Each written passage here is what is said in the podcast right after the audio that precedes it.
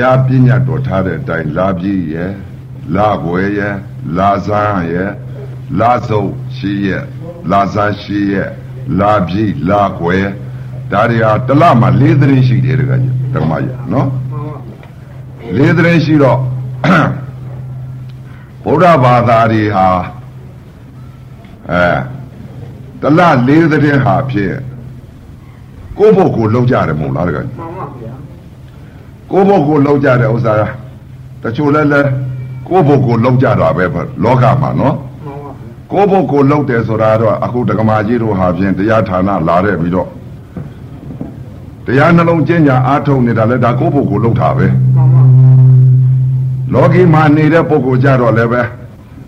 တရားမကျင့်မဲနဲ့သံဃာတော်အရှင်မြတ်များရှိကြောင်းသွားပြီးတော့သီလတွေတောင်းပြီးတော့ယူလိုက်တာဒါလည်းကိုယ့်ဘုတ်ကိုလုံးတာပဲမှန်ပါဗျာနော် သံဃာတော်အရှင်မြတ်များစီမှာဆယ်ပါးသီလတောင်းကြတယ်အဲနောက်ပြီးတော့အဲကိုးပါးသီလတောင်းကြတယ်ရှစ်ပါးသီလတောင်းကြတယ်အဲ့ဒီလိုတောင်းတဲ့ဥစ္စာလဲကိုယ့်ဘုတ်ကိုလုံးတာတွေပဲဒီမှာကြီးမှန်ပါဗျာအခုတရားဌာနမှာလာလိုက်တဲ့အချိန်ခါကြတော့လည်းပဲတရားနှလုံးကျင့်ကြအာထုတ်တာကလည်းကိုယ့်ဘုတ်ကိုလုံးတာပဲမှန်ပါဗျာ ကိုယ့်ဘုတ်ကိုလုံးတာခြင်းတော့လုံးတာခြင်းတော့တူပေတဲ့ကံနဲ့ညာနဲ့ကြွာသွားပြန်တယ်တက္ကမကြီးမှန်ပါဗျာကံနဲ့ညာနဲ့ဘယ်လိုကြွာသွားလဲရိုးရိုးတဏ္ဍမှာသွားပြီးတော့ကျောင်းကိုသွားပြီးတော့ကိုးပါးသီလတို့ရှစ်ပါးသီလတို့ဆယ်ပါးသီလတို့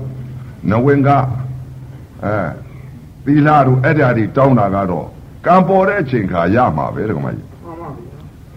ကံမပေါ်တဲ့အချိန်ခါကြပြီဆိုလို့ရှိရင်တော့ဒီမဲ့အပေသွားအောင်မှာပဲထင်တယ်တက္ကမကြီးမှန်ပါဗျာမှန်တယ်ဗျာအဲကံပေါ်တဲ့အချိန်ခါ तू ကအကျိုးပေးမှာဟုတ်နော်မှန်ပါဗျာကံပေါ်မဲ့ဆိုတဲ့အကျိုးပေးမှာကပါဒကမာကြီးတို့အခုအတိတ်အနာကပြစ္ဆုတ်ပံကာရသုံးပါးရှိတဲ့အ ਨੇ ကအတိတ်ကပြုတ်ထားတဲ့ဒါနကုသိုလ်ကံစေရနာသီလကုသိုလ်ကံစေရနာကြောင့်အခုဒကမာကြီးအခုအသက်ဘယ်လောက်ရှိသွား50နဲ့9နှစ်ရှိပါဗျာလဲ 59နှစ်ရှိတာအတိတ်ကသီလကုသိုလ်ကံစေရနာအားသာလာတယ်ဒကမာကြီးမှန်ပါဗျာအတိတ်ကအကြောင်းပဲမဟုတ်လားမှန်ပါဗျာအတိတ်ကအကြောင်းတရားကြောင့်မလို့ပြစ္ဆုတ်ပါအကျိုးတရားအခုအသက်အသက်ရှည်ပေးနေတယ်ဒကမာကြီးမှန်ပါဗျာအတိတ်ကသီလကုသိုလ်ကအကြောင်းတရားမှမပါတဲ့ပုဂ္ဂိုလ်30နဲ့လည်းသေးတယ်20နဲ့လည်းသေးတယ်15နှစ်နဲ့လည်းသေးတယ်ဓမ္မကြီးမှန်ပါဗျာ10နှစ်နဲ့လည်းသေးတယ်မှန်ပါဘာကြောင့်ဒီပုဂ္ဂိုလ်ဒီလိုသေရတာလဲတဲ့ကံကုံလို့သေရတာ ဘာကုံကံကုံတယ်လဲတဲ့အတိတ်ကာလတုန်းကသီလကုသိုလ်ကစေရနာမပါခဲ့လို့ဓမ္မကြီးမှန်ပါဗျာသီလကုသိုလ်ကစေရနာပါလာတဲ့ပုဂ္ဂိုလ်ကြပြီဆိုလို့ရှိရင်ဖြစ်အခုဓမ္မကြီးတို့အသက်50ကျော်ဆိုတဲ့ဥစ္စာအတိတ်ကာလတုန်းကသီလကုသိုလ်ကစေရနာအားသာလာလို့ဗျနော်မှန်ပါဗျာတခါကြီးပြက်သွားတာဘယ်ဘယ်နှစ်နှစ်မှပြက်သွားလဲ60နှစ်ပါ69နှစ်လဲဒါတော်တော်လေးသီလကုသိုလ်ကံပါလာတာမှန်ပါနော်69နှစ်ဆိုတော့ 80ပြည့်မှာ3နှစ်ပဲလို့တော့တယ်မှန်ပါဗျာအဲ့ဒါအတိတ်ကာလတုန်းကတခါကြီးကလည်းပဲသီလကုသိုလ်ကံစေရနာပါလာလို့60နဲ့9နှစ်ထဲမှာပြောင်းလဲသွားရတယ်တခါမကြီးမှန်ပါနော်အာအခုပုံကိုယ်တွေလောကကြီးမှာဖြစ်ပြနေတဲ့သဘောတရားတွေဟာပုံကိုယ်တွေကသေတယ်လို့ထင်နေတယ်တခါကြီးမှန်ပါယုံနံတို့ဤပြိဿသမုပ္ပါဟာပြောင်းလဲခြင်းသဘောတရားပဲရှိတယ်မှန်ပါနော်အခုပုံကိုယ်တွေကဘလို့ဖြင့်သေတယ်ဟေးဆိုတော့သေတယ်ဆိုတော့တခါတည်းကို ပညာအာယုံပြုတ်သွားပြီတခါကြီးမှန်ပါဗျာအခုကသေတယ်လို့သိနေကြတယ်မှန်ပါဗျာသေတယ်သေတယ်ဆိုတာဘယ်လိုပုံကိုယ်မျိုးမှသေတာလဲဆိုတော့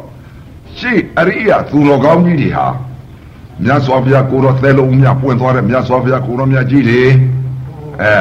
ရှင်ပြည့်စေကဗုဒ္ဓတွေယဟန္တာအရှင်ကိုယ်တော်မြတ်တွေအဲ့ဒီပုဂ္ဂိုလ်ကြီးသုံးဦးဟာဖြင့်သေကုန်ပြီတက္ကမကြီးမှန်ပါဗျာအခုသေတယ်လို့ပြညာထွက်ထားတယ်တက္ကမကြီးမှန်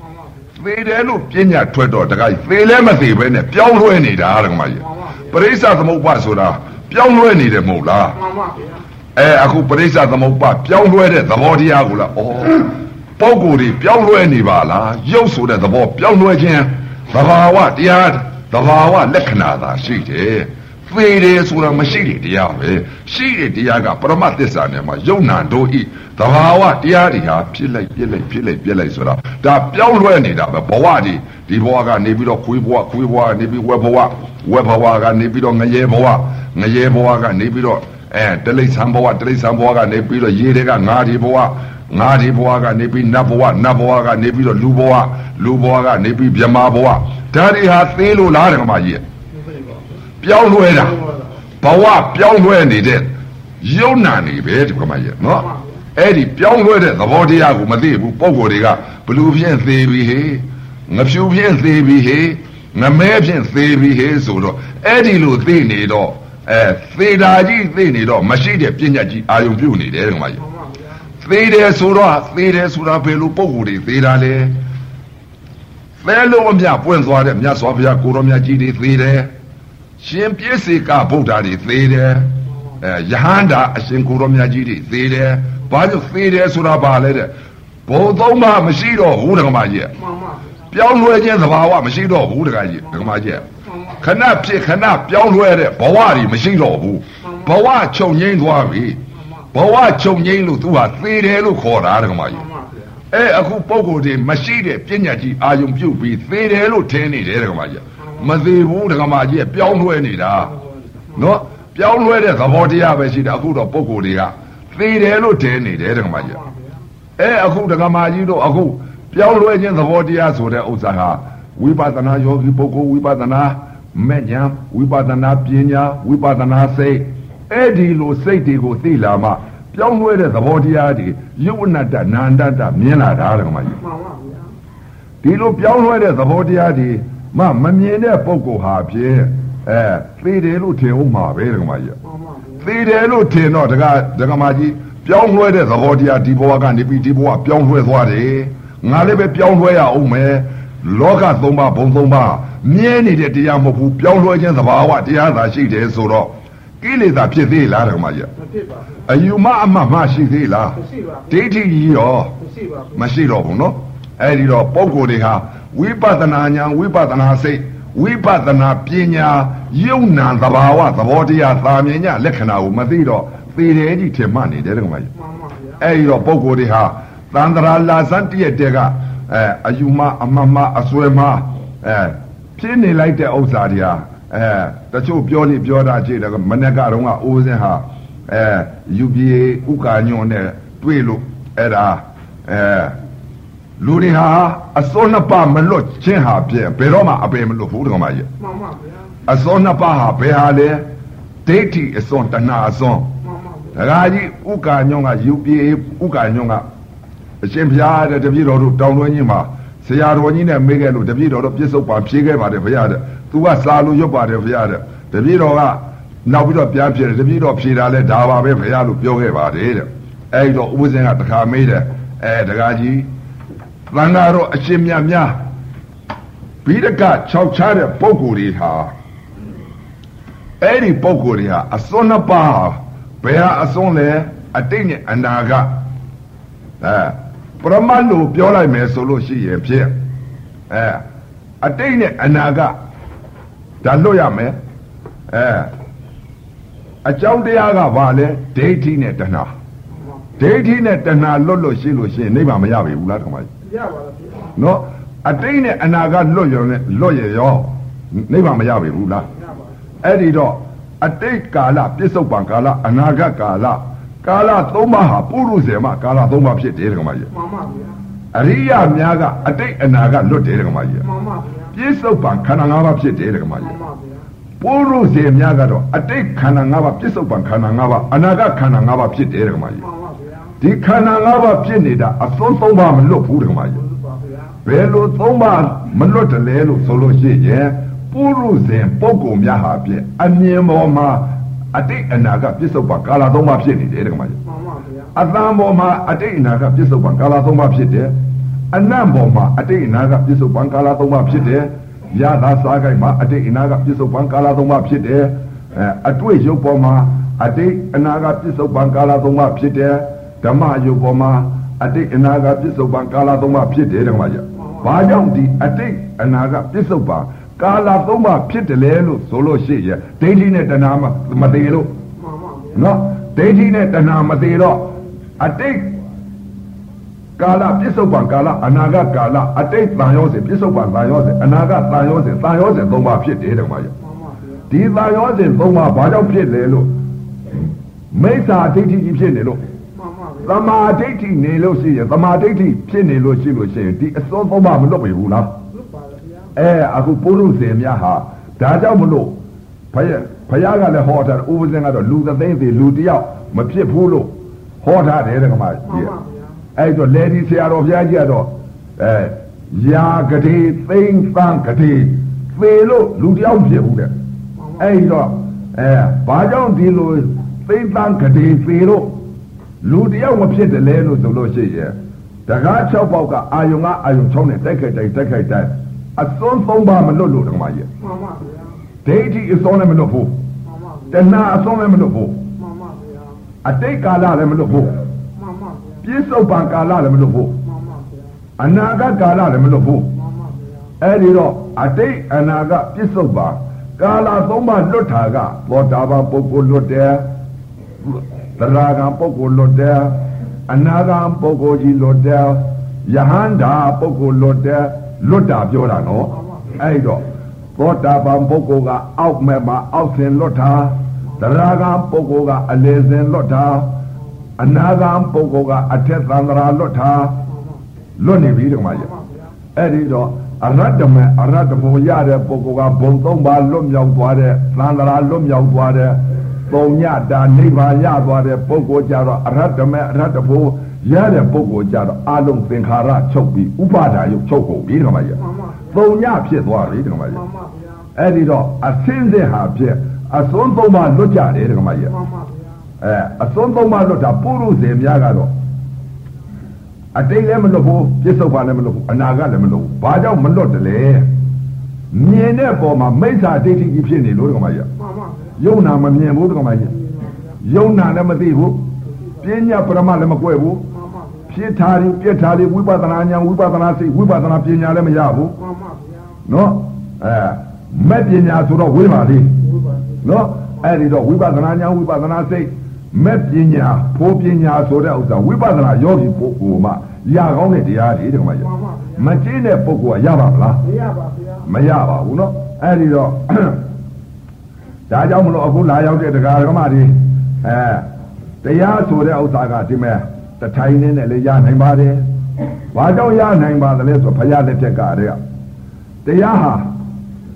တဘုဒ္ဓဂါထာတလုံးတစ်ပါးထာအလေးကိုအသိတရားတွေကိုဖွင့်ပေးလိုက်တယ်မြတ်စွာဘုရားလက်ထက်ကမြုံလာဗราသာကြီးဟာမိတွေလောင်းလိုက်တာသမီးခင်မွန်တယ်မိလောင်းလာတယ်သားလေးမိလောင်းတယ် သားအကြီးမိလောင်းတယ်သားအငယ်မိလောင်းတယ်မိဘမိလောင်းတယ်ညီကိုမောင်နှမမိတွေတစ်ဆက်တစ်ပါးသောမိတွေတောက်လောင်လာလိုက်တဲ့အချိန်ခါမှာအဲဘုရားရှင်ကိုတော်မြတ်ကြီးနဲ့တွေ့လိုက်တဲ့အချိန်ခါကျတော့အဲ့ဒီတစ်ဆက်တစ်ပါးသောမိတွေငြိမ့်အေးသွားတယ်တကမကြီးမှန်ပါဗျာ။ဘာကြောင့်ငြိမ့်အေးသွားလဲဆိုလို့ရှိရင်ဆရာကောင်းနဲ့တွေ့သွားတာကိုတကမမှန်ကြီးပါဗျာ။လက်ဘူးလုံးကဆရာနဲ့မတွေ့ခင်တော့သူ့မှာမိတွေလောင်တယ်တကမမှန်ကြီးပါဗျာ။အဲ့တော့မိတွေဘယ်မိတွေလောင်မလဲ။ မျက်စိကလည်းယာဂာမိဒေါသမီမောဟမိမှန်ပါဗျာနားပေါက်ကလည်းယာဂာမိဒေါသမီမောဟမိနှာခေါင်းပေါက်ကလည်းယာဂာမိဒေါသမီမောဟမိအဲလျှာပေါက်ကလည်းယာဂာမိဒေါသမီမောဟမိကိုယ်ပေါက်ကလည်းယာဂာမိဒေါသမီမောဟမိမနောပေါက်ကလည်းယာဂာမိဒေါသမီမောဟမိဒီမိတွေလောင်တာဟာဘာကြောင့်ဒီလိုလောင်တယ်လဲတဲ့သစ္စာလေးပါမမြင်လို့ဓမ္မကြီးကမှန်ပါဗျာ သစ္စာလေးပါမြင်လို့ရှိရင်ဒီမိတွေလောင်ပါမလားမလောက်ပါဗျာအကြောင်းတရားအကျိုးတရားသိနေပြီဓမ္မကြီးမှန်ပါဗျာအဲဒီဒုက္ခသစ္စာကြီးအမှန်မြင်နေတော့သူဟာဂယုမဆိုင်တော့ဘူးတခါကြီးမှန်ပါဗျာမရှိတဲ့တရားရှိတဲ့တရားမရှိတဲ့တရားကိုသိသွားပြီမရှိတဲ့တရားပယ်လိုက်ပြီတခါကြီးမှန်ပါဗျာမရှိတဲ့တရားကိုသိနေတာတဏှာဖြစ်နေတယ်တခါကြီးမှန်ပါဗျာဆွဲလာရင်ဒိဋ္ဌိဖြစ်တယ်အယူမှားနေတယ်အမှတ်မှားနေတယ်အသိမှားနေတယ်မိစ္ဆာဒိဋ္ဌိမှန်ပါဗျာ ဒီပေါ်မရှိတာကြီးကိုကန့်ညိနေတာကတဏှာမှန်ပါအစိုးနှစ်ပါးမလွတ်ဘူးတခါမကြီးပုရုဇဉ်ပုဂ္ဂိုလ်များဟာအစိုးနှစ်ပါးမလွတ်တဲ့တရားကဘယ်တရားလဲတဲ့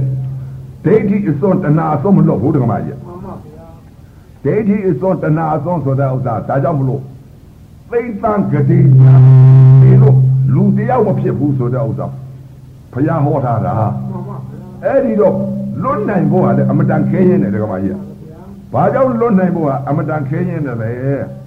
မျက်စိနဲ့မြင်လိုက်တဲ့အချိန်ကဒိဋ္ဌိနဲ့တဏှာအစွန်းမလွတ်ဘူးမှန်ပါဗျာအတိတ်နဲ့အနာကလည်းမလွတ်ဘူးမှန်ပါဗျာအဲပြစ္ဆုတ်ပံလဲသမာအတိလေးမသိဘူးမှန်ပါဗျာပြစ္ဆုတ်ပံသမာအတိလေးသိလို့ရှိလို့ချင်းရင်အတိတ်အနာကလွတ်တယ်တက္ကမကြီးမှန်ပါဗျာဒိဋ္ဌိနဲ့တဏှာလည်းသိတယ်တက္ကမကြီးမှန်ပါဗျာအဲ့ဒီတော့ဘာကြောင့်ဒီဒိဋ္ဌိနဲ့တဏှာမသိလဲဆိုတော့ မျက်စိဘောက်ကနေပြီးတော့အမားတွေမြင်နေတယ်တက္ကမမှကြီးန်ပါဗျာမရှိတဲ့တရားတွေမြင်နေတယ်မရှိတဲ့တရားတွေဘယ်လိုမြင်ပါလဲတဲ့ဒိဋ္ဌိနဲ့တဏှာဖြစ်ပုံကိုပြောမယ်နော်မှန်ပါဗျာဒါကြောင့်မလို့လူသေးလို့လူမဖြစ်ဘူးလောက်ကြလို့ခိုင်းတာမှန်ပါဗျာဒါကြောင့်မလို့ဥပဇင်းတော့ကလည်းဟိုတုန်းကမသိခဲ့ပါဘူးတက္ကမကြီးဟာမှန်ပါဗျာဘေးဘိတ်တော့မတိတဲ့သာလွဲ့မတမမတပဲကိုမှန်ပါဗျာသာတက်လို့ရှိရင်လည်းသိချင်လည်းသိအောင်ပဲသာတက်တဲ့လူတွေလည်းများပါတယ်တက္ကမကြီးလည်းသိသလားတော့မသိသေးဘူးဗျာအဲ့တော့ သာတက်တဲ့ပုဂ္ဂိုလ်တွေလောကကြီးမှာတကပြီးတခါ၆ချားတဲ့ပုဂ္ဂိုလ်တွေရှိတယ်မဟုတ်လားသိပါဗျာနိဗ္ဗာန်ရလာလို့ဝန်ခံသလားဆိုတော့မခံဘူးတက္ကမမှကြီးန်ပါဗျာအဲ့ဒီတော့အတိတ်ကလည်းဥပဇင်းတို့မသိခဲ့ဘူးမသိခဲ့တော့ဒီလိုမိမိမောမောပေါ်ပေါ်ဆဆနဲ့ဒီလိုပဲပျော်ပျော်ပါပါကြီးနေခဲ့တယ်တက္ကမကြီးမှန်ပါဗျာဘာဒီနဲ့မိမိမောမောပျော်ပျော်ပါပါကြီးနေခဲ့လဲဆိုတော့ဥပဇင်းနေခဲ့တာပြောတာနော်မှန်ပါဗျာဘာဒီနဲ့နေခဲ့တဲ့သမီးတွေနဲ့နေခဲ့တဲ့ပျော်ပျော်ပြပါပါကြီးမှန်ပါဗျာညီတွေနဲ့ ညီတွေနဲ့အမတွေနဲ့အမေတွေအဖေတွေရွှေမျိုးညီကိုမောင်နှမတွေနဲ့ပျော်ပျော်ပါပါကြီးဒီလိုနေခဲ့တယ်တက္ကမမှန်ကြီးပါဗျာခေမောလေမတွေနဲ့ပျော်ပျော်ကြီးနေခဲ့တယ်တက္ကမသားဒီသမီးတွေနဲ့ပျော်ပျော်ကြီးညီတွေနဲ့ပျော်ပျော်ကြီးဒီလိုပဲလောကကြီးပျော်ပျော်ကြီးဒီလိုနေခဲ့တယ်ဘာမှမသိခဲ့ဘူးတက္ကမကြီးအဲ့ဒီတုန်းကများသေသွားလို့ရှိရင်ဥပဇင်းလေအဲအဖေဒီပါမှာလေးပဲထောက်ပြီးတော့ဒီမဲ့မိုးကြောခိုင်းပြီးတိရစ္ဆာန်တွေဖြစ်ပါဗျာမှန်ပါဗျာဘာကြောင့်လဲတဲ့ဘုရားဟောထားတာပဲຢာကလေးသေးလို့ သိင်္ဂတိသေးလို့လူတရားမဖြစ်ဘူးလို့ဘုရားဟောထားတာတက္ကမကြီးဘာကြောင့်လဲတဲ့တကား6ပေါက်ကအာယုံကအာယုံ6နဲ့တိုက်ခိုက်တိုင်းတိုက်ခိုက်တိုင်းဒိဋ္ဌိတဏှာဖြစ်နေလို့ဓမ္မကြီးမှန်ပါဗျာဒိဋ္ဌိနဲ့တဏှာဖြစ်နေတာဘာကြောင့်ဖြစ်လဲတဲ့အဲယုံနာလည်းမမြင်ယုံနာလည်းမသိမှန်ပါဗျာဘုရားဟောထားတဲ့တရားဟာအတိုင်းဟာဖြစ်မင်းတို့လက္ခဏာမြင်အောင်ကြည့်ဆိုတော့လက္ခဏာလည်းသိသလားဆိုတော့အမေအဖေသင်ပေးတဲ့လက္ခဏာသိတယ်ဓမ္မမှကြီးန်ပါဗျာ ဘယ်လိုလက္ခဏာမြင်လဲလို့ဆိုတော့အမေအဖေများကလည်းဒီအနိစ္စဒုက္ခအနတ္တဆိုတာသင်ပေးထားတာအဲ့ဒါပဲသိမှန်ပါဗျာအနိစ္စဒုက္ခအနတ္တဆိုဒါပဲသိပါကြဗျာဘာမှမသိဘူးလက္ခဏာဆိုတာအဲအနိစ္စဆိုတာလက္ခဏာထင်းနေတယ်တက္ကမကြီးဒုက္ခဆိုတာလက္ခဏာထင်းနေတယ်တက္ကမကြီးလက္ခဏာဆိုတာသဘောတရားတွေမြင်ကောင်းတဲ့တရားမဟုတ်ဘူးမှန်ပါဗျာသဘောတရားတွေနာလက္ခဏာယုတ်လက္ခဏာအတုဝလက္ခဏာအတုဝသဘာဝလက္ခဏာ အဲယုတ်ဤသဘာဝလက္ခဏာနာဤသဘာဝလက္ခဏာနာဤသာမြညာလက္ခဏာယုတ်ဤသာမြညာလက္ခဏာအတုဝဤသာမြညာလက္ခဏာဒီလက္ခဏာတွေမသိခဲ့ဘူးတခါကြအမေအဖေများသင်ပေးတဲ့အနိစ္စဒုက္ခအနတ္တဆိုတဲ့ဒီလက္ခဏာတွေဒါသိခဲ့တယ်တခါကြဒီလက္ခဏာတွေသိတော့ဒီလိုပဲပုဂ္ဂိုလ်ကိုတော့အထင်ကြီးတယ်ငါတော့သိနေပြီလက္ခဏာသုံးပါဘုရားကလက္ခဏာသုံးပါသိလို့ရှင်နိဗ္ဗာန်ဝင်တယ်လို့ဒီလိုပြောတာဘုရားမကြီး ကိုကလည်းသိနေတယ်အသိမှန်တယ်လို့သူသိနေတယ်တခါကြငါလည်းသိနေတာပါကွာအနိစ္စဒုက္ခအနတ္တအဲလူများပြောတာကြားဆိုတာကြားသိတာမှန်ပါနော်သူများဖြစ်ပြက်လို့လားကိုကဖြစ်ပြက်တာတကယ်အစ်စ်ခန္ဓာတွေကယုံနာသဘာဝဖြစ်ပြီးပြက်ပြီးပြောင်းလဲနေတဲ့ယုံနာတနာနာတယုံသဘာဝနာသဘာဝသေသေးချာချာသဘောပေါက်လားဆိုမသိဘူးတခါကြီးသိပါဗျာမသိတော့အဲ့ဒီတော့ဥပဒေဟာသံဃာလာသတ်ပြည့်တဲ့က သံဃာကြီးကိုပြေးလျှောက်ပြီးခွေတွေဝက်တွေနွားတွေရေတကာငါးတွေအပိတ်ကြတွေဖြစ်လာခဲ့တာတွေနေဘူးတခါကြီးကဘာကြောင့်ဒီခန္ဓာတွေဖြစ်ခဲ့သလဲဆိုတော့ဒကမာကြီးယုံနာမသိခဲ့လို့မှန်ပါဗျာနော်သဘာဝလက္ခဏာတွေမမြင်ခဲ့လို့လက္ခဏာသုံးပါးမသိခဲ့လို့သစ္စာလေးပါးအကြောင်းတရားအကျိုးတရားမသိခဲ့လို့မသိခဲ့လို့သံဃာကြီးကိုဒကမာကြီးကြေးလျှောက်လာခဲ့တယ်ပြောင်းလဲလာခဲ့တယ်ဒကမာကြီးတဘောဝပြီးတဘောဝတဘောဝပြီးတဘောဝ ပြောင်းလဲပြီးတော့ပရိစ္ဆသမုပ္ပါကြီးလဲခဲ့တယ်ဒကမာကြီးမှန်ပါဗျာအဲဒီဟာကြီးဟာလဲလာလိုက်တဲ့ဥစ္စာသံဃာမှာဓာတ်ပြည့်တဲ့ကလဲလာတာနော်အခုတည်းကလဲဖို့မဲတယ်ကမကြီးမှန်ပါဗျာအဲအခုဒကမာကြီးတို့ဒကာကြီးတို့အဲဦးဇင်းတို့ဟာနောက်ပိတ်သုံးသာသနာဘုရားသာသနာတစ်ပတ်ပြန်လဲလာတယ်ကမကြီးမှန်ပါဗျာတစ်ပတ်ပြန်လဲလာတဲ့အချိန်ခါကျတော့ဟောအခုအမျိုးမျိုးအရွာရွာမှာလဲဓမ္မယန္တနာတွေပွင့်လင်းနေတယ်မှန်ပါဗျာ ရှင်းကကပြင်းညတ်ထွက်တာမကြဘူးလားဓမ္မကြီးမှန်ပါအဲရှိကပြင်းညတ်ထွက်တယ်အဲဘယ်လိုပြင်းညတ်ထွက်တယ်လဲတဲ့အဲရှိကတော့ကဒါကြောင့်မလို့ပြင်းညတ်ပွားရတတ်တယ်ပါတယ်ပြင်းညတ်ကရှိကထွက်တယ်နောက်ကပရမသစ္စာလိုက်တယ်တော့မကြီးမှန်ပါဗျာရှိကဘယ်လိုပြင်းညတ်ထွက်တာလဲတဲ့ရဲတဲ့ရနာတည်တည်ငါကြော်သားကြံနေငါဖျားကေဒီကနောက်ဝိပုတ်သာသနာမှာ သာသနာပြုတဲ့စัจ जा မင်းပေါ်လာမယ် မှန်ပါဗျာ နော် မှန်ပါဗျာ သာသနာပြုတဲ့စัจ जा မင်းပြည်ကြီးကိုစัจ जा မင်းလေးလာတဲ့အချိန်ခါကျတော့အဲ့ဒီစัจ जा မင်းလေးနောက်ကဘိုးဘိုးအောင်လည်းပါလာမယ်လို့ပြောတယ်ကွာအဲ့ဒီဘိုးဘိုးအောင်နောက်ကစัจ जा မင်းလေးနောက်ကသာခမောက်ဆောင်းလေးယောက်လည်းပါလိမ့်မယ်တဲ့ဗျာ မှန်ပါ ဝိဇ္ဇာကြီးလေးဦး မှန်ပါ ဒါသပင်သေးစကားခလေးစကားအယူစကားဆိုတာပြညတ်ကရှေ့ကထွက်တယ်ကွာမကြီးနော် စัจ जा မင်းလေးလာလိမ့်မယ်စัจ जा မင်းလေးတိုက်ပြည်ကြီးအုပ်ချုပ်မှာအဲ့ဒီစัจ जा မင်းလေးတက်လာပြီဆိုရင်အဲသူ့နောက်ကဘိုးဘိုးအောင်လည်းပါလိမ့်မယ်တဲ့ မှန်ပါဗျာ တန်ခမောက်ဆောင်လေးဦးလည်းပါလိမ့်မယ်တဲ့အဲ့ဒီတိုက်ပြည်ကြီးကိုစัจ जा မင်းအုပ်ချုပ်လို့တန်ခမောက်ဆောင်လေးယောက်ဝိဇ္ဇာကြီးလေးဦးဘိုးဘိုးအောင် လာပြီဆိုလို့ရှိရင်တိုက်ပြည်ကြီးဟာရွှေလည်းမရှားတဲ့ ငွေလည်းမရှားတဲ့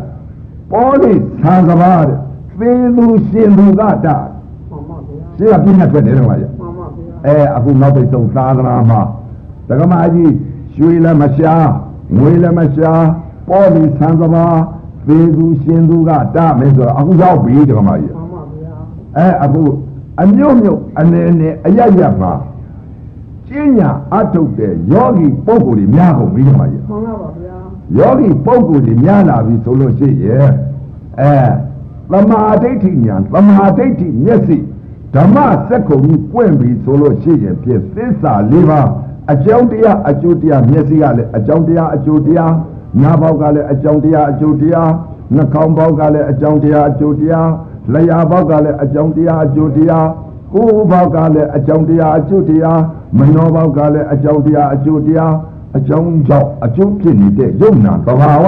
တာမြင်ရလက္ခဏာမြင်သွားပြီဆိုလို့ချင်းသစ္စာလေးပါရသွားပြီဆိုလို့ရှိရင်ဒီကမာကြီးအတိတ်အနာကပြစ္ဆုတ်ပံကာလသုံးပါမြင်ပြီဒီကမာကြီးမှန်ပါဗျာကာလသုံးပါမြင်လိုက်တဲ့တပြိုင်နက်တည်းသေသူရှင်သူကတတာပဲဒီကမာကြီးမှန်ပါဗျာဩငါတို့ဘိုးဒီဘွားဒီအဲသာသနာကြီးနဲ့မိမပြည့်တဲ့နဲ့ဒီတရားတော်မြတ်နဲ့မတွေ့ရှာပါလားမှန်ပါဗျာ ငါတို့တော့သစ္စာလေးပါးတရားတော်မြတ်တရားလို့ငါတို့တော့အပေတကားပိတ်ပြီးအထက်သံသရာခလဲသံသရာတော့ငါတို့ရောက်တော့မယ်ငါတို့ဘိုးတွေဘွားတွေအဲပေချင်းပစ္စည်းပြောင်းလဲသွားတဲ့ပုံကိုယ်ကြီးကဘယ်များရောက်ကြပါလိမ့်မလဲလို့နှလုံးသွင်းပြီးတော့အဲဆင်းရင်သုံးသပ်လိုက်လို့ရှိရင်သမာအသိနဲ့ထိုးထွင်းပြီးတော့အပေလေးပါးခန်းရတာတွေတွေးနေမယ်တမကြီးမှန်ပါဗျာအဲ့ဒီလိုတွေးပြီဆိုလို့ရှိရင်သေသူကိုရှင်သူကတမှန်ပါ ဘာဗျာကြောင့်ဩငါတို့ဘိုးတွေဘွားတွေသားတွေသမီးတွေဒီတရားတော်မြတ်နဲ့တွေ့မသွားချဘူးဘာကြောင့်လဲသံဃာလာသန်တည့်တဲ့ကအဲလောကီဒါနလေးနဲ့လောကီသီလလေးနဲ့လောကီမှာပြုတဲ့ဒါနကုသိုလ်ကံစေရနာလေးနဲ့ကြောင်းသွားပြီးတော့နစ္စာဂိတဝါဒိတဝိတုကဒသနာမာလာကနာဝိလိပနာဓာရဏမန္နနာဝိပုရဏဌာနာဝေရမဏိသိက္ခာပရံသမာဓိယာမေလို့ ဒီရှစ်ပါးသီလလေးနဲ့တင်းတိမ်ပြီးတော့ပျက်စီးကိုရွင့်သွားလို့အပေလေးပါအကုန်ကြကုန်ပါလားလို့ဗျာသိပြီမှန်ပါဗျာအဲ့ဒီလိုသေသူကိုရှင်သူကတတယ်ဆိုတာတရားယောဂီမှမှာသိကြတော့မှာရမှန်ပါဗျာအဲ့ဒီတော့အခုပုံကိုယ်တွေကအခုတချို့ကတော့ဘာစောင့်နေလဲဆိုတော့တိုက်ကြီးကြီးစက်ကြမင်းလာမယ်ထင်းနေတယ်စက်ကြရောက်လို့လည်းရောက်မှမသိဘူးဒီမှာမှန်ကြီးပါဗျာအခုအညွတ်ညွတ်အနေနဲ့မှာအခုဒီမှာတရားထိုင်ပြီးတော့နေကြတဲ့အလောင်းကြီးပေါ်တော်မှာကြီးစက်ကြလောင်းနေမှန်ပါဗျာ ဒိဋ္ဌိနဲ့တဏှာသေးတဲ့ပုဂ္ဂိုလ်စက်ကြတွေပေါ်ဗျမှန်ပါဗျာလောကကြီးကိုဒီရွှေတွေမျိုးမလို့သင်တော့ဘူးလူဒီမှာမလို့ခြင်းတော့ဗာလဲတဲ့လူချမ်းသာလည်းမလို့ခြင်းမှန်ပါနတ်ချမ်းသာလည်းမလို့ခြင်းဗြဟ္မာချမ်းသာလည်းမလို့ခြင်းအဲ့ဒီသစ္စာလေးပါးတရားတော်များကြီးရတဲ့ပုဂ္ဂိုလ်ဟာလူပြေနတ်ပြေဗြဟ္မာပြေကိုအဲရင်ရသွားပြီစัจ जा ရှင်တာဓမ္မကြီးမှန်ပါဗျာကာလသုံးပါးလွတ်မြောက်သွားပြီဓမ္မမှကြီးန်ပါဗျာအဲ့ဒီပုဂ္ဂိုလ်မျိုးတော့ ဒကမာကြီးအခုစက်ကြလာလို့လာမှမသိဘူးတချို့ကတော့ဘိုးဘိုးအောင်လာလိမ့်မယ်တာငါပြုတ်စက်ကြမင်းလာလိမ့်မယ်လို့ဒီလိုထင်နေတယ်ဒကမာကြီးပရမတ်စက်ကြတွေရောက်နေတာမသိဘူးဒကမာကြီးပညာစက်ကြတာသိတယ်ဒကမာကြီးအဲတန်ခမောက်ဆောင်လေးဦးလာလို့ရှိရင်ဝိဇ္ဇာကြီးတွေဝိဇ္ဇာကြီးတွေဇောကြီးကြီးတွေလာလို့ရှိရင်အဲ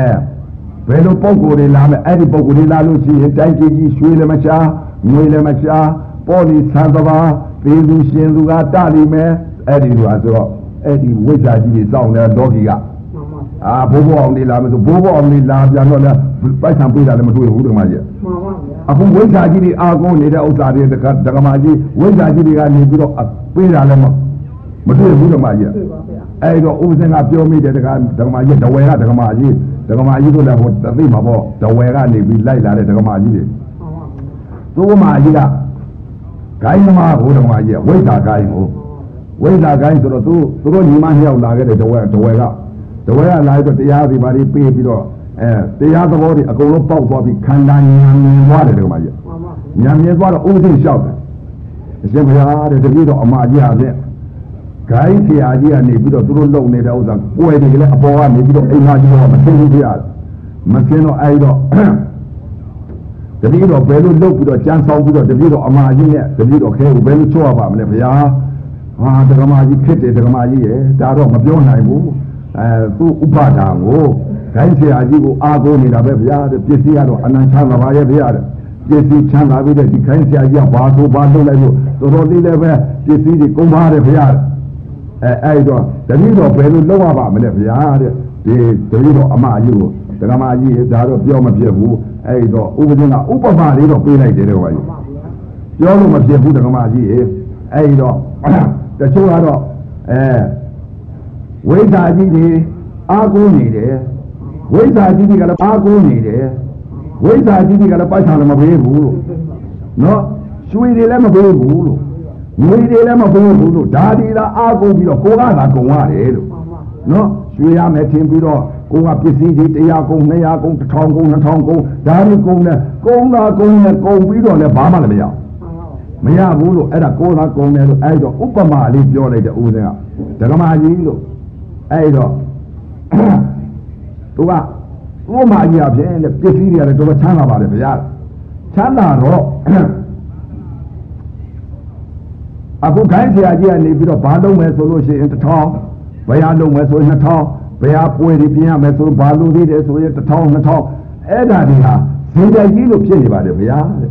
အဲ့ဒါတွေကတော်တော်လေး အဲရှိတဲ့ပစ္စည်းတွေကတော်တော်ချောကုန်ပါပြီဗျာအေးကောင်းတယ်အဲ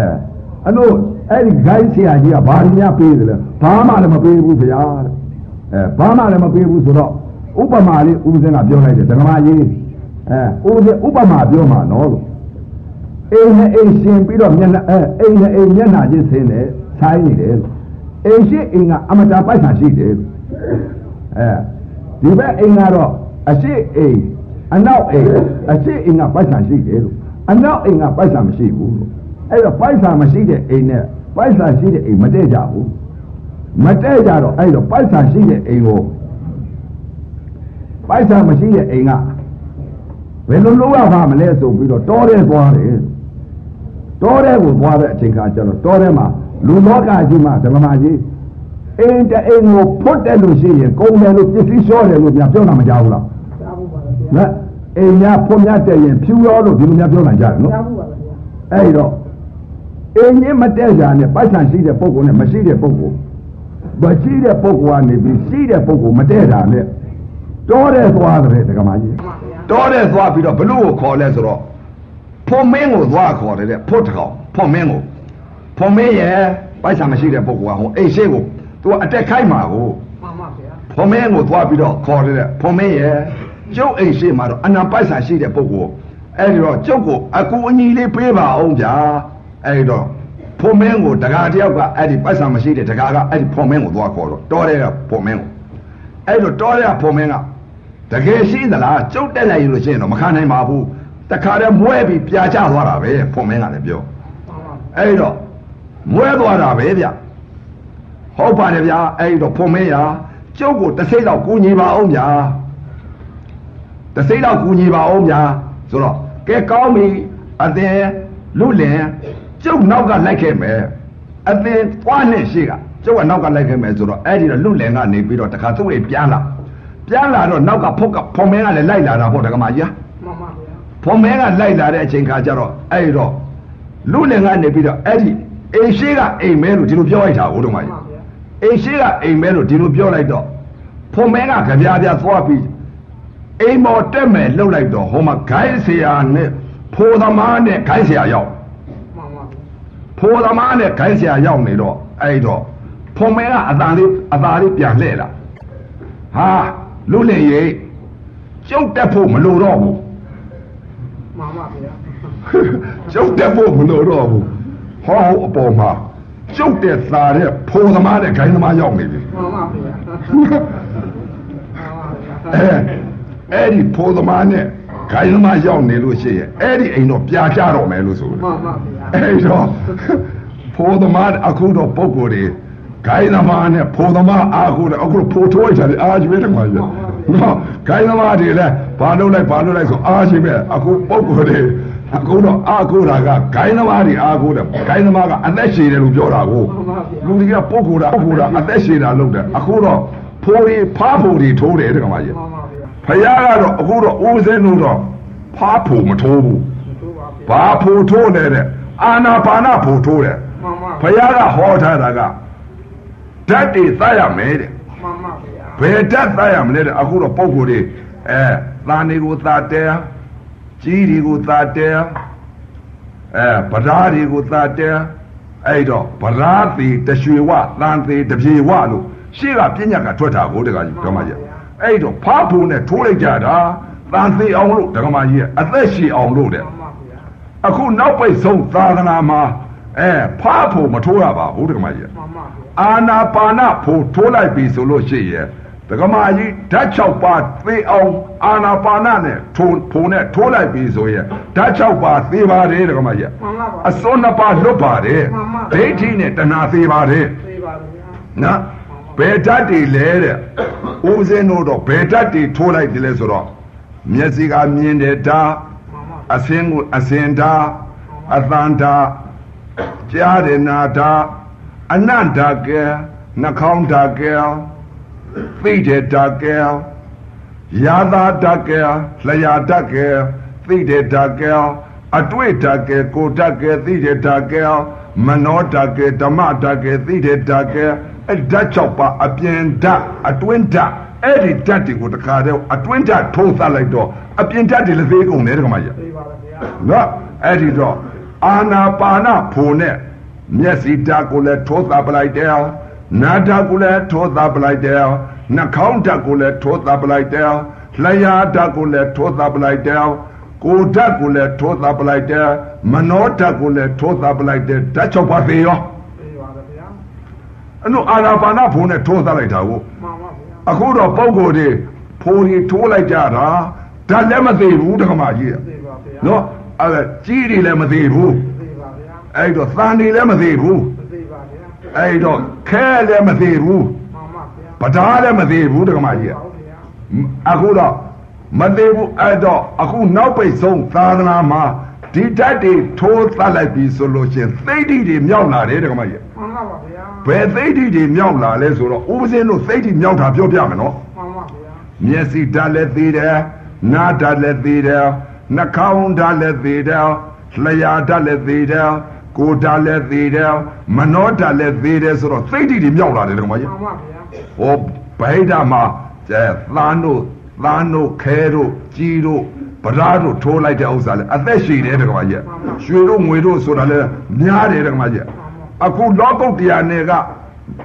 အစ္ဆတသဏ္ဍာန်ကဓာတ်၆ပါးထိုးသတ်လိုက်တော့ဒီဓာတ်တွေသေသွားပြီတဲ့အတွင်းအာရဏအဲ6ပါးဟာသေသွားပြီဆိုလို့ရှိရင်သိဋ္ဌိတွေမြောက်တယ်တက္ကမကြီးမှန်ပါဘယ်သိဋ္ဌိတွေမြောက်လဲတဲ့အာဟာရသိဋ္ဌိမြောက်တယ်မှန်ပါဗျာဓနသိဋ္ဌိမြောက်တယ်မှန်ပါဗျာပိယသိဋ္ဌိမြောက်တယ်မှ န်ပါနော်ကာယသိဋ္ဌိလည်းမြောက်တယ်မှန်ပါဟောအာဟာရသိဋ္ဌိလည်းမြောက်တယ်ဗျာမှန်ပါဗျာပိယသိဋ္ဌိလည်းမြောက်တယ်ဗျာမှန်ပါဓနသိဋ္ဌိလည်းမြောက်တယ်ဗျာကာယသိဋ္ဌိလည်းမြောက်တယ်ဗျာဥပဇင်ဘလို့မှလာမသာဘူးမှန်ပါဗျာနော်တတ်လာတယ်ကမကြီးအသက်မသာဘူးအဲ့ဒါပါလေတဲ့ကာယသိဋ္ဌိကာယသိမစားခြင်းတော့ပေါ်လိုက်တာကမကြီးမစားခြင်းနင်းကျွေးနေတာပဲအာဟာရသိဋ္ဌိမှန်ပါဗျာနော်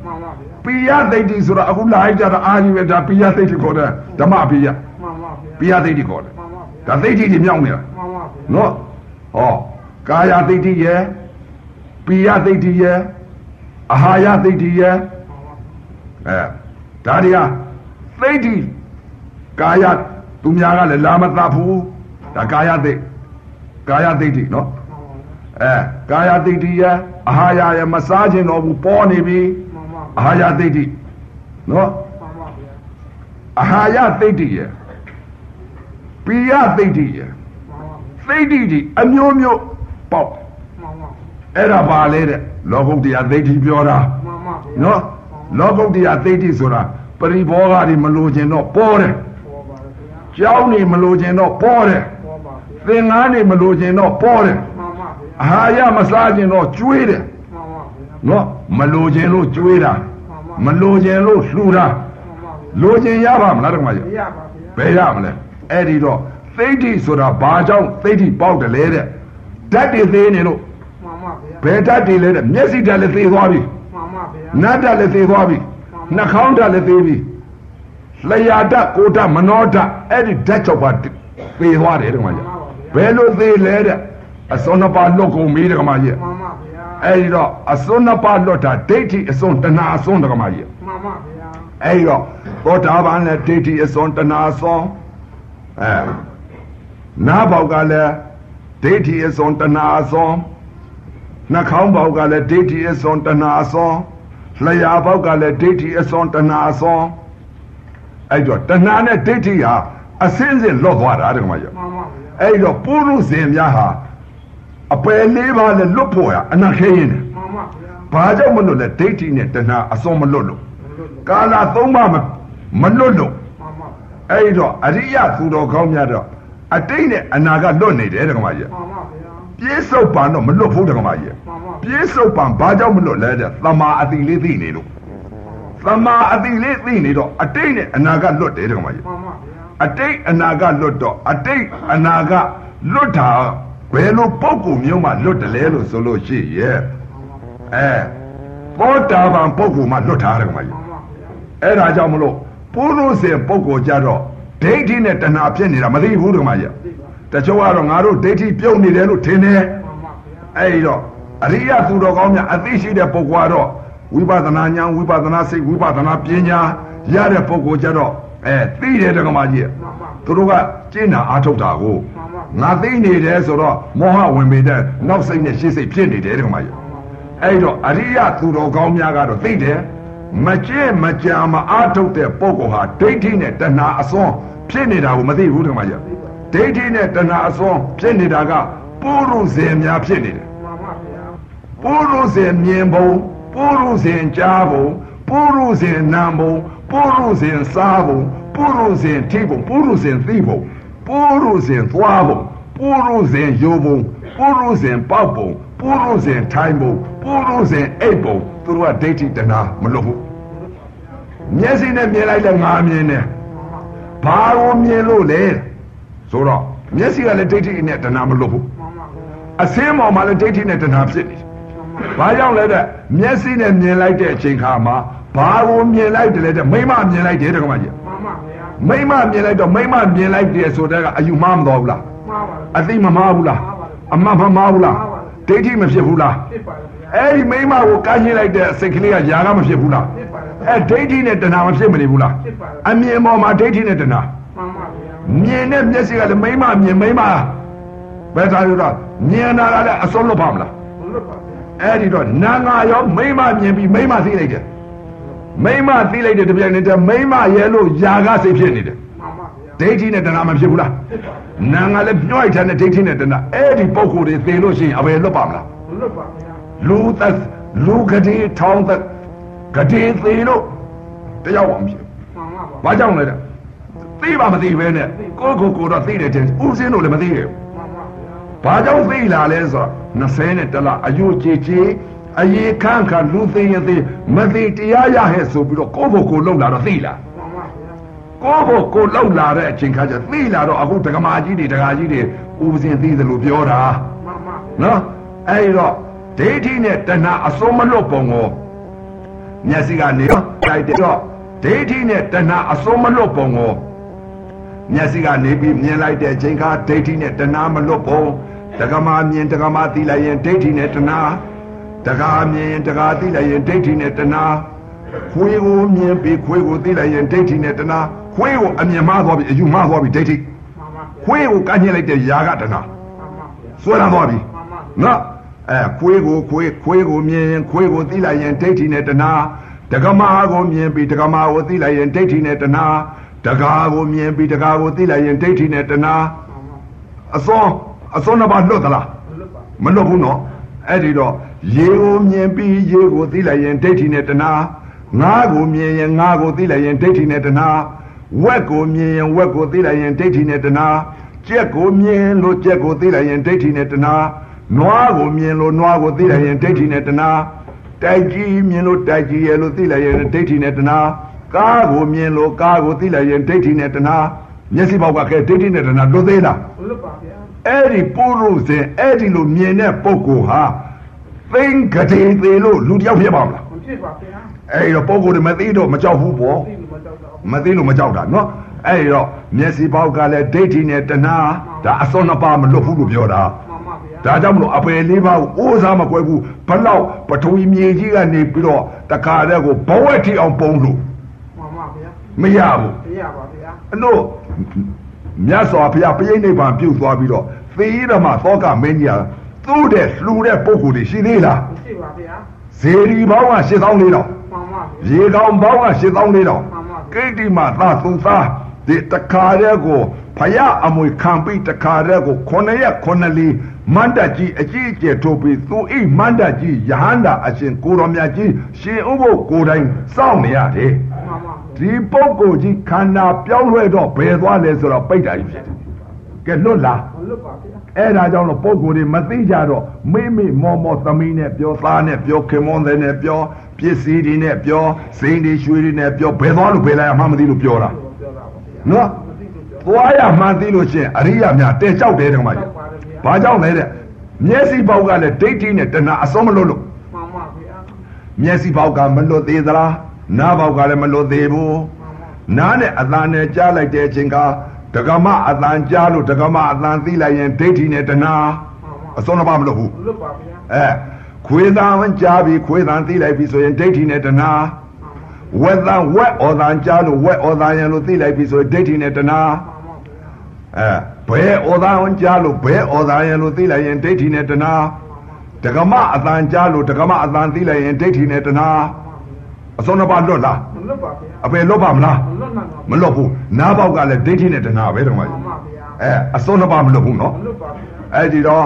နှာခေါင်းနဲ့အနာနဲ့ထိမှန်လိုက်တဲ့အချိန်ကမွေတာလေးနန်းလာတော့မွေတယ်လို့သိလိုက်ပြန်ပြီဒိဋ္ဌိနဲ့တဏှာမှန်ပါဗျာမွေတယ်လို့သိတာယုံလည်းမသိနားလည်းမသိပညာလည်းမသိပရမတ်လည်းမသိဝေဒနာဝေဒနာမှန်းလည်းမသိမသိတော့မွေတယ်လို့သွားသိလိုက်တာမိစ္ဆာဒိဋ္ဌိဖြစ်သွားပြီအယူမှားသွားပြီ ယုံနာမှမသိပဲကိုဝေဒနာဝေဒနာမှလည်းမသိဘူးမွေတယ်လို့သိလိုက်တာနဲ့အယူမှားသွားပြီမွေတာလေးသာရလိုက်တာကတဏှာမွေတာကိုအယူမှားသွားတာမိစ္ဆာဒိဋ္ဌိဒိဋ္ဌိနဲ့တဏှာလွတ်သေးလားမလွတ်ပါဗျာအဲမွေတာလေးနားလိုက်ကိုမွေတယ်လို့သိလိုက်တာဒိဋ္ဌိနဲ့တဏှာပုတ်စော်နာတယ်လို့သိလိုက်ပြန်ပြီဆိုရင်ဒိဋ္ဌိနဲ့တဏှာအဲရှင်စော်နာတယ်လို့သိလိုက်ပြီဆိုရင်ဒိဋ္ဌိနဲ့တဏှာ ဒုက္ခဖြစ်ပြန်ပြီဒီကောင်မကြီးအဲ့ဒီတော့အနတ်နဲ့နှာခေါင်းနဲ့ထိမှန်လိုက်တဲ့အချိန်ကလည်းဒိဋ္ဌိနဲ့တဏှာအစွန်းနှစ်ပါးမလွတ်ဘူးဒီကောင်မကြီးပါဗျာအဲနှာခေါင်းပေါက်ကလည်းအပေကျသွားတာပဲတာပါလားဗျာနှာခေါင်းပေါက်ကကြာသေးသားတဲ့မဟုတ်သေးဘူးစားလိုက်တဲ့အချိန်ခါမှာအပေကြနေဦးမယ်ပုရုဇဉ်များစားခိုက်မှာကြာမှာစားနေတော့သေးလဲအပေသွားမယ်မှန်ပါဗျာဒိဋ္ဌိနဲ့တဏှာမမလွတ်လို့အစောနှစ်ပါးမလွတ်လို့စားလိုက်တဲ့အချိန်ခါမှာအသိနဲ့မစားဘူးမှန်ပါစားလိုက်တာ ဘယ်လိုအသိနဲ့စားလဲချိုးတာစားလို့ချိုးတာပဲသိနေပြန်ပြီဒိဋ္ဌိနဲ့တဏှာမှန်ပါချင်းသားလေးစားပြန်တော့ချင်းတယ်လို့သိပြန်ပြီဒိဋ္ဌိနဲ့တဏှာစတ်ထားလေးစားပြန်တော့စတ်တယ်လို့သိပြန်ပြီဒိဋ္ဌိနဲ့တဏှာခါးထားလေးစားပြန်တော့ခါတယ်လို့သိပြန်ပြီဒိဋ္ဌိနဲ့တဏှာလွတ်သလားဓမ္မကြီးမလွတ်ပါဗျာအဲသိင်္ဂတိသေးသိင်္ဂဂတိသေးလို့လူပြောင်းဖြစ်မှန်ပါဗျာဘာကြောင့်လဲဒိဋ္ဌိနဲ့တဏှာမသေးလို့အစောနှစ်ပါးမလွတ်လို့မလွတ်လို့ပါ ဒိဋ္ဌိမပြုတ်လို့မပြုတ်လို့ယုံနာမမြင်လို့ပညာပရမမကွဲလို့သစ္စာလေးပါမမြင်လို့ဒုက္ခဝေဒနာဒုက္ခဝေဒနာမသိလို့အဲဒါကြောင့်အပေလေးပါအကုန်လုံးကြာမှန်ပါဗျာလူသေးလို့လူမဖြစ်ဘူးလူရောနတ်ရောဗြဟ္မာရောသီလရှင်တွေရောဘယ်တော့မှအပေမလို့ဘူးမှန်ပါဗျာဟုတ်ဒီပြဟာတော့မပြောနိုင်ပါဘူးမှန်ပါဗျာဒီပြဟာပြောလိုက်လို့ရှရင်ရိုက်နေဦးမှာမှန်ပါဗျာနော်အဲ့တော့မပြောဝင်ဘူးအဲ့ဒီတော့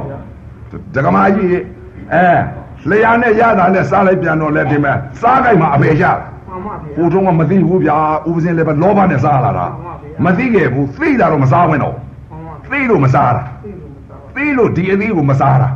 မသိခင်တော့ကစားခဲ့တာအဲ့ဒါတွေသိလာတော့အတိတ်ဒီအနာဂတ်ဒီပြစ္ဆုတ်ပါနေကာလာသုံးမထိုးထွင်းသိတော့ငါအတိတ်ကစားလာတာအာတော့ငါသွားမှာပါဒါကြောင့်သံသရာလဲနေပါလားဒါကြောင့်လို့သံသရာကြီးငါပြေးလျှောက်နေပါလားလို့ဒီလိုသိတာတက္ကမကြီးမှန်ပါဗျာ အဲ့တော့စားကြိုက်မှလည်းအပယ်ကြမယ်ဆိုတာသိနေတယ်တက္ကမကြီးဗဇက်ကစားကြိုက်မှကြာသေးလားမဟုတ်သေးဘူးတက္ကမကြီးရေကိုနဲ့အတွေ့နဲ့ထိမှန်လိုက်တဲ့ခါလဲကြာအောင်မယ်မှန်ပါဗျာအဲအခုလာရောက်တဲ့တရားဓမ္မတွေကြိုင်းနဲ့သက်တဲ့အတွေ့လေးကိုတွေးလိုက်တော့နုညာနဲ့အတွေ့လေးတွေးလိုက်တော့သာယာနဲ့သက်တဲ့နုညာနဲ့ဆိုတော့သာယာတယ်ဓမ္မကြီးမှန်ပါဗျာအဲနုညာနဲ့အတွေ့လေးကိုဆိုတော့အဲ့ဒါအယူမသွားတယ်မှန်ပါဝေဒနာဝေဒနာမှမမသိပဲ ဒုက္ခဝေဒနာဒုက္ခဝေဒနာမသိဘူးဓမ္မကြီးနုညာနဲ့ဝေဒနာလေးကြတော့ဒုက္ခဝေဒနာဝေဒနာပဲဓမ္မကြီးဝေဒနာပါဗျာနော်ဒုက္ခဝေဒနာကြတော့တခါတည်းကိုဖြစ်လာတဲ့အချိန်ခါကျတော့အဲ့ဒါကြတော့မခံစားခြင်းဘူးခံစားနေပါအဲ့ဒါလည်းဒိဋ္ဌိနဲ့တဏှာမလွတ်ဘူးဓမ္မကြီးလို့ပါဗျာအဲ့ဒီတော့အစ္ဆတသဏ္ဍာန်ကနေပြီးတော့အခုလာရောက်တဲ့ဒကာဓမ္မတွေဘုရားကတော့ဟောထားတယ်ပထဝီဓာတ်တဲ့အာဘောဓာတ်တဲ့တေဇောဓာတ်တဲ့ဝါယောဓာတ်တဲ့ဓာတ်ကြီးလေးပါရှိတယ်ဓမ္မကြီးဓာတ်ကြီးလေးပါရှိတော့ဘုရားကတော့ဟောထားတယ် ပထဝီဓာတ်ရဲ့အာဘောဓာတ်တေဇောဓာတ်ဝါယောဓာတ်ပထဝီဓာတ်ကအစ္ဆတသဏ္ဍာန်ကတက်လာပြီဆိုရင်ဝေဒနာတွေဖြစ်လာတယ်ဓမ္မကြီးမှန်ပါဗျာတင်းတဲ့ဝေဒနာတွေတောင်းတဲ့ဝေဒနာတွေထုံလာတဲ့ဝေဒနာတွေအောင့်လာတဲ့ဝေဒနာတွေကြိုက်လာတဲ့ဝေဒနာတွေကြက်တက်လာတဲ့ဝေဒနာတွေချွေးကြလာတဲ့ဝေဒနာတွေပူလာတဲ့ဝေဒနာတွေအေးလာတဲ့ဝေဒနာတွေလှုပ်လာတဲ့ဝေဒနာတွေတွန်းလာတဲ့ဝေဒနာတွေ ရားလာတဲ့ဝေဒနာတွေအဲ့ဒီဝေဒနာတွေကြတော့ဒကမကြီးမခံစားခြင်းတော့ဘူးမှန်ပါဗျာ။ဩဒေါသတွေဘူးဖြစ်နေတာပဲဒကမကြီးကဗျာ။ဩဒီအတွေ့တွေဖြစ်လာတဲ့အချိန်ခါကျတော့မခံစားခြင်းနဲ့ဒေါသအစွန်းတစ်ပါးမလွတ်ပြန်ဘူးဒကမကြီးလို့ပါဗျာ။ကျိုင်းနေသက်တဲ့အနူးညံ့သောအတွေ့လေးတွေးလိုက်တော့သာယာနှက်သက်တဲ့အဲ့ဒါအဲအစွန်းတစ်ပါးမလွတ်ပြန်ဘူးဒကမကြီးမှန်ပါဗျာ။ဒိဋ္ဌိနဲ့တဏှာကြီးဖြစ်ကုန်ပြီဒကမကြီး။ဒုက္ခဝေဒနာပေါ်မှာလဲဒုဒိဋ္ဌိနဲ့တဏှာဒုက္ခဝေဒနာပေါ်မှာလဲဒိဋ္ဌိနဲ့တဏှာ ဒိဋ္ဌိရောမပြုတ်ဘူးဒကမကြီးမတွေ့ပါဗျာအဲ့ဒီတော့ဒါကြောင့်ဘုရားရှင်ကိုတော်မြတ်ကြီးကအေးတဲ့မင်းတို့တက်ကြီးလေးပါလည်းမသိခန္ဓာ၅ပါးလည်းမမြင်ဒုက္ခဝေဒနာဒုက္ခဝေဒနာလည်းမသိပညာပရမလည်းမကွဲနာဤအာယုံကြောင့်ဖြစ်နေတဲ့ဥပါဒံတရားတွေလည်းမသိခန္ဓာ၅ပါးလည်းမမြင်ဘူးတဲ့မှန်ပါဗျာမမြင်တော့အဲ့ဒီမှာသိလိုက်ပြန်ပြီပုထုဇဉ်များကတော့ဒိဋ္ဌိနဲ့တဏှာမလို့ဖို့အစွန်းနှစ်ပါးမလို့ဖို့တင်းနာပေါ်လို့တင်းတယ်လို့သိလိုက်ရင်ဒိဋ္ဌိနဲ့တဏှာမှန်ပါဗျာ လွတ်သလားဓမ္မကြီးလို့ပါဗျာတောင်းတာပေါ်လို့တောင်းတယ်လို့သိလိုက်ပြီဆိုရင်ဒိဋ္ဌိနဲ့တဏှာထုံတာပေါ်လို့ထုံတယ်လို့သိလိုက်ရင်ဒိဋ္ဌိနဲ့တဏှာကြိုက်တာပေါ်လို့ကြိုက်တယ်လို့သိလိုက်ရင်ဒိဋ္ဌိနဲ့တဏှာအောင့်နာပေါ်လာလို့အောင့်တယ်လို့သိလိုက်ရင်ဒိဋ္ဌိနဲ့တဏှာချွေးတွေကြလာလို့ချွေးတွေကြလာတယ်လို့သိလိုက်ရင်ဒိဋ္ဌိနဲ့တဏှာရင်ထဲကသိလိုက်ရင်ဒိဋ္ဌိနဲ့တဏှာဒိဋ္ဌိနဲ့တဏှာအဲပူလာလို့သိလိုက်ရင်ပူတယ်လို့သိလိုက်ရင်ဒိဋ္ဌိနဲ့တဏှာ အေးလာလို့အေးတယ်လို့သိလိုက်ရင်ဒိဋ္ဌိနဲ့တဏှာအဲလှုပ်ဆင်းရဲတယ်လို့သိလိုက်ရင်ဒိဋ္ဌိနဲ့တဏှာချမ်းသာတယ်လို့သိလိုက်ရင်ဒိဋ္ဌိနဲ့တဏှာကဲလွတ်သလားဓမ္မကြီးလို့ပါဗျာအဲအစ္ဆတသဏ္ဍာန်ကမဟာဗုဒ္ဓကြီးလေးပါပေါ်လာပြန်တော့လေအစွန်းတစ်ပါးမလွတ်ဘူးဓမ္မကြီးလို့ပါဗျာအဲအတွင်းနဲ့ကိုယ်နဲ့ထိမှန်လိုက်တဲ့အချိန်ကလည်းဒိဋ္ဌိနဲ့တဏှာနဲ့အပယ်ပြစ္ဆုတ်ပါအပယ်ရှာသေးလားတဲ့မဟုတ်သေးဘူးဓမ္မကြီးမနှောနဲ့ဓမ္မနဲ့ပေါင်းစုံလိုက်တဲ့ခါလည်းကြာသေးတယ်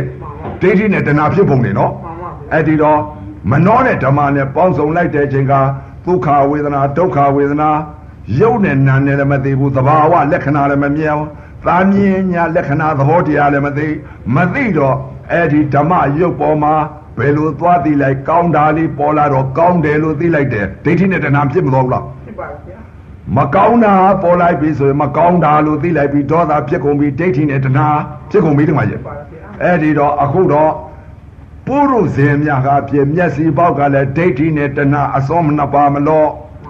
နားနဲ့အသာနဲ့ကြားလိုက်တဲ့ချိန်ကဒိဋ္ဌိနဲ့တဏှာအစွန်းနှပါမလို့နှာခေါင်းနဲ့အနာနဲ့ထိမှန်လိုက်တဲ့ချိန်ကအနံ့ပေါ်မှာဒိဋ္ဌိနဲ့တဏှာအစွန်းနှပါမလို့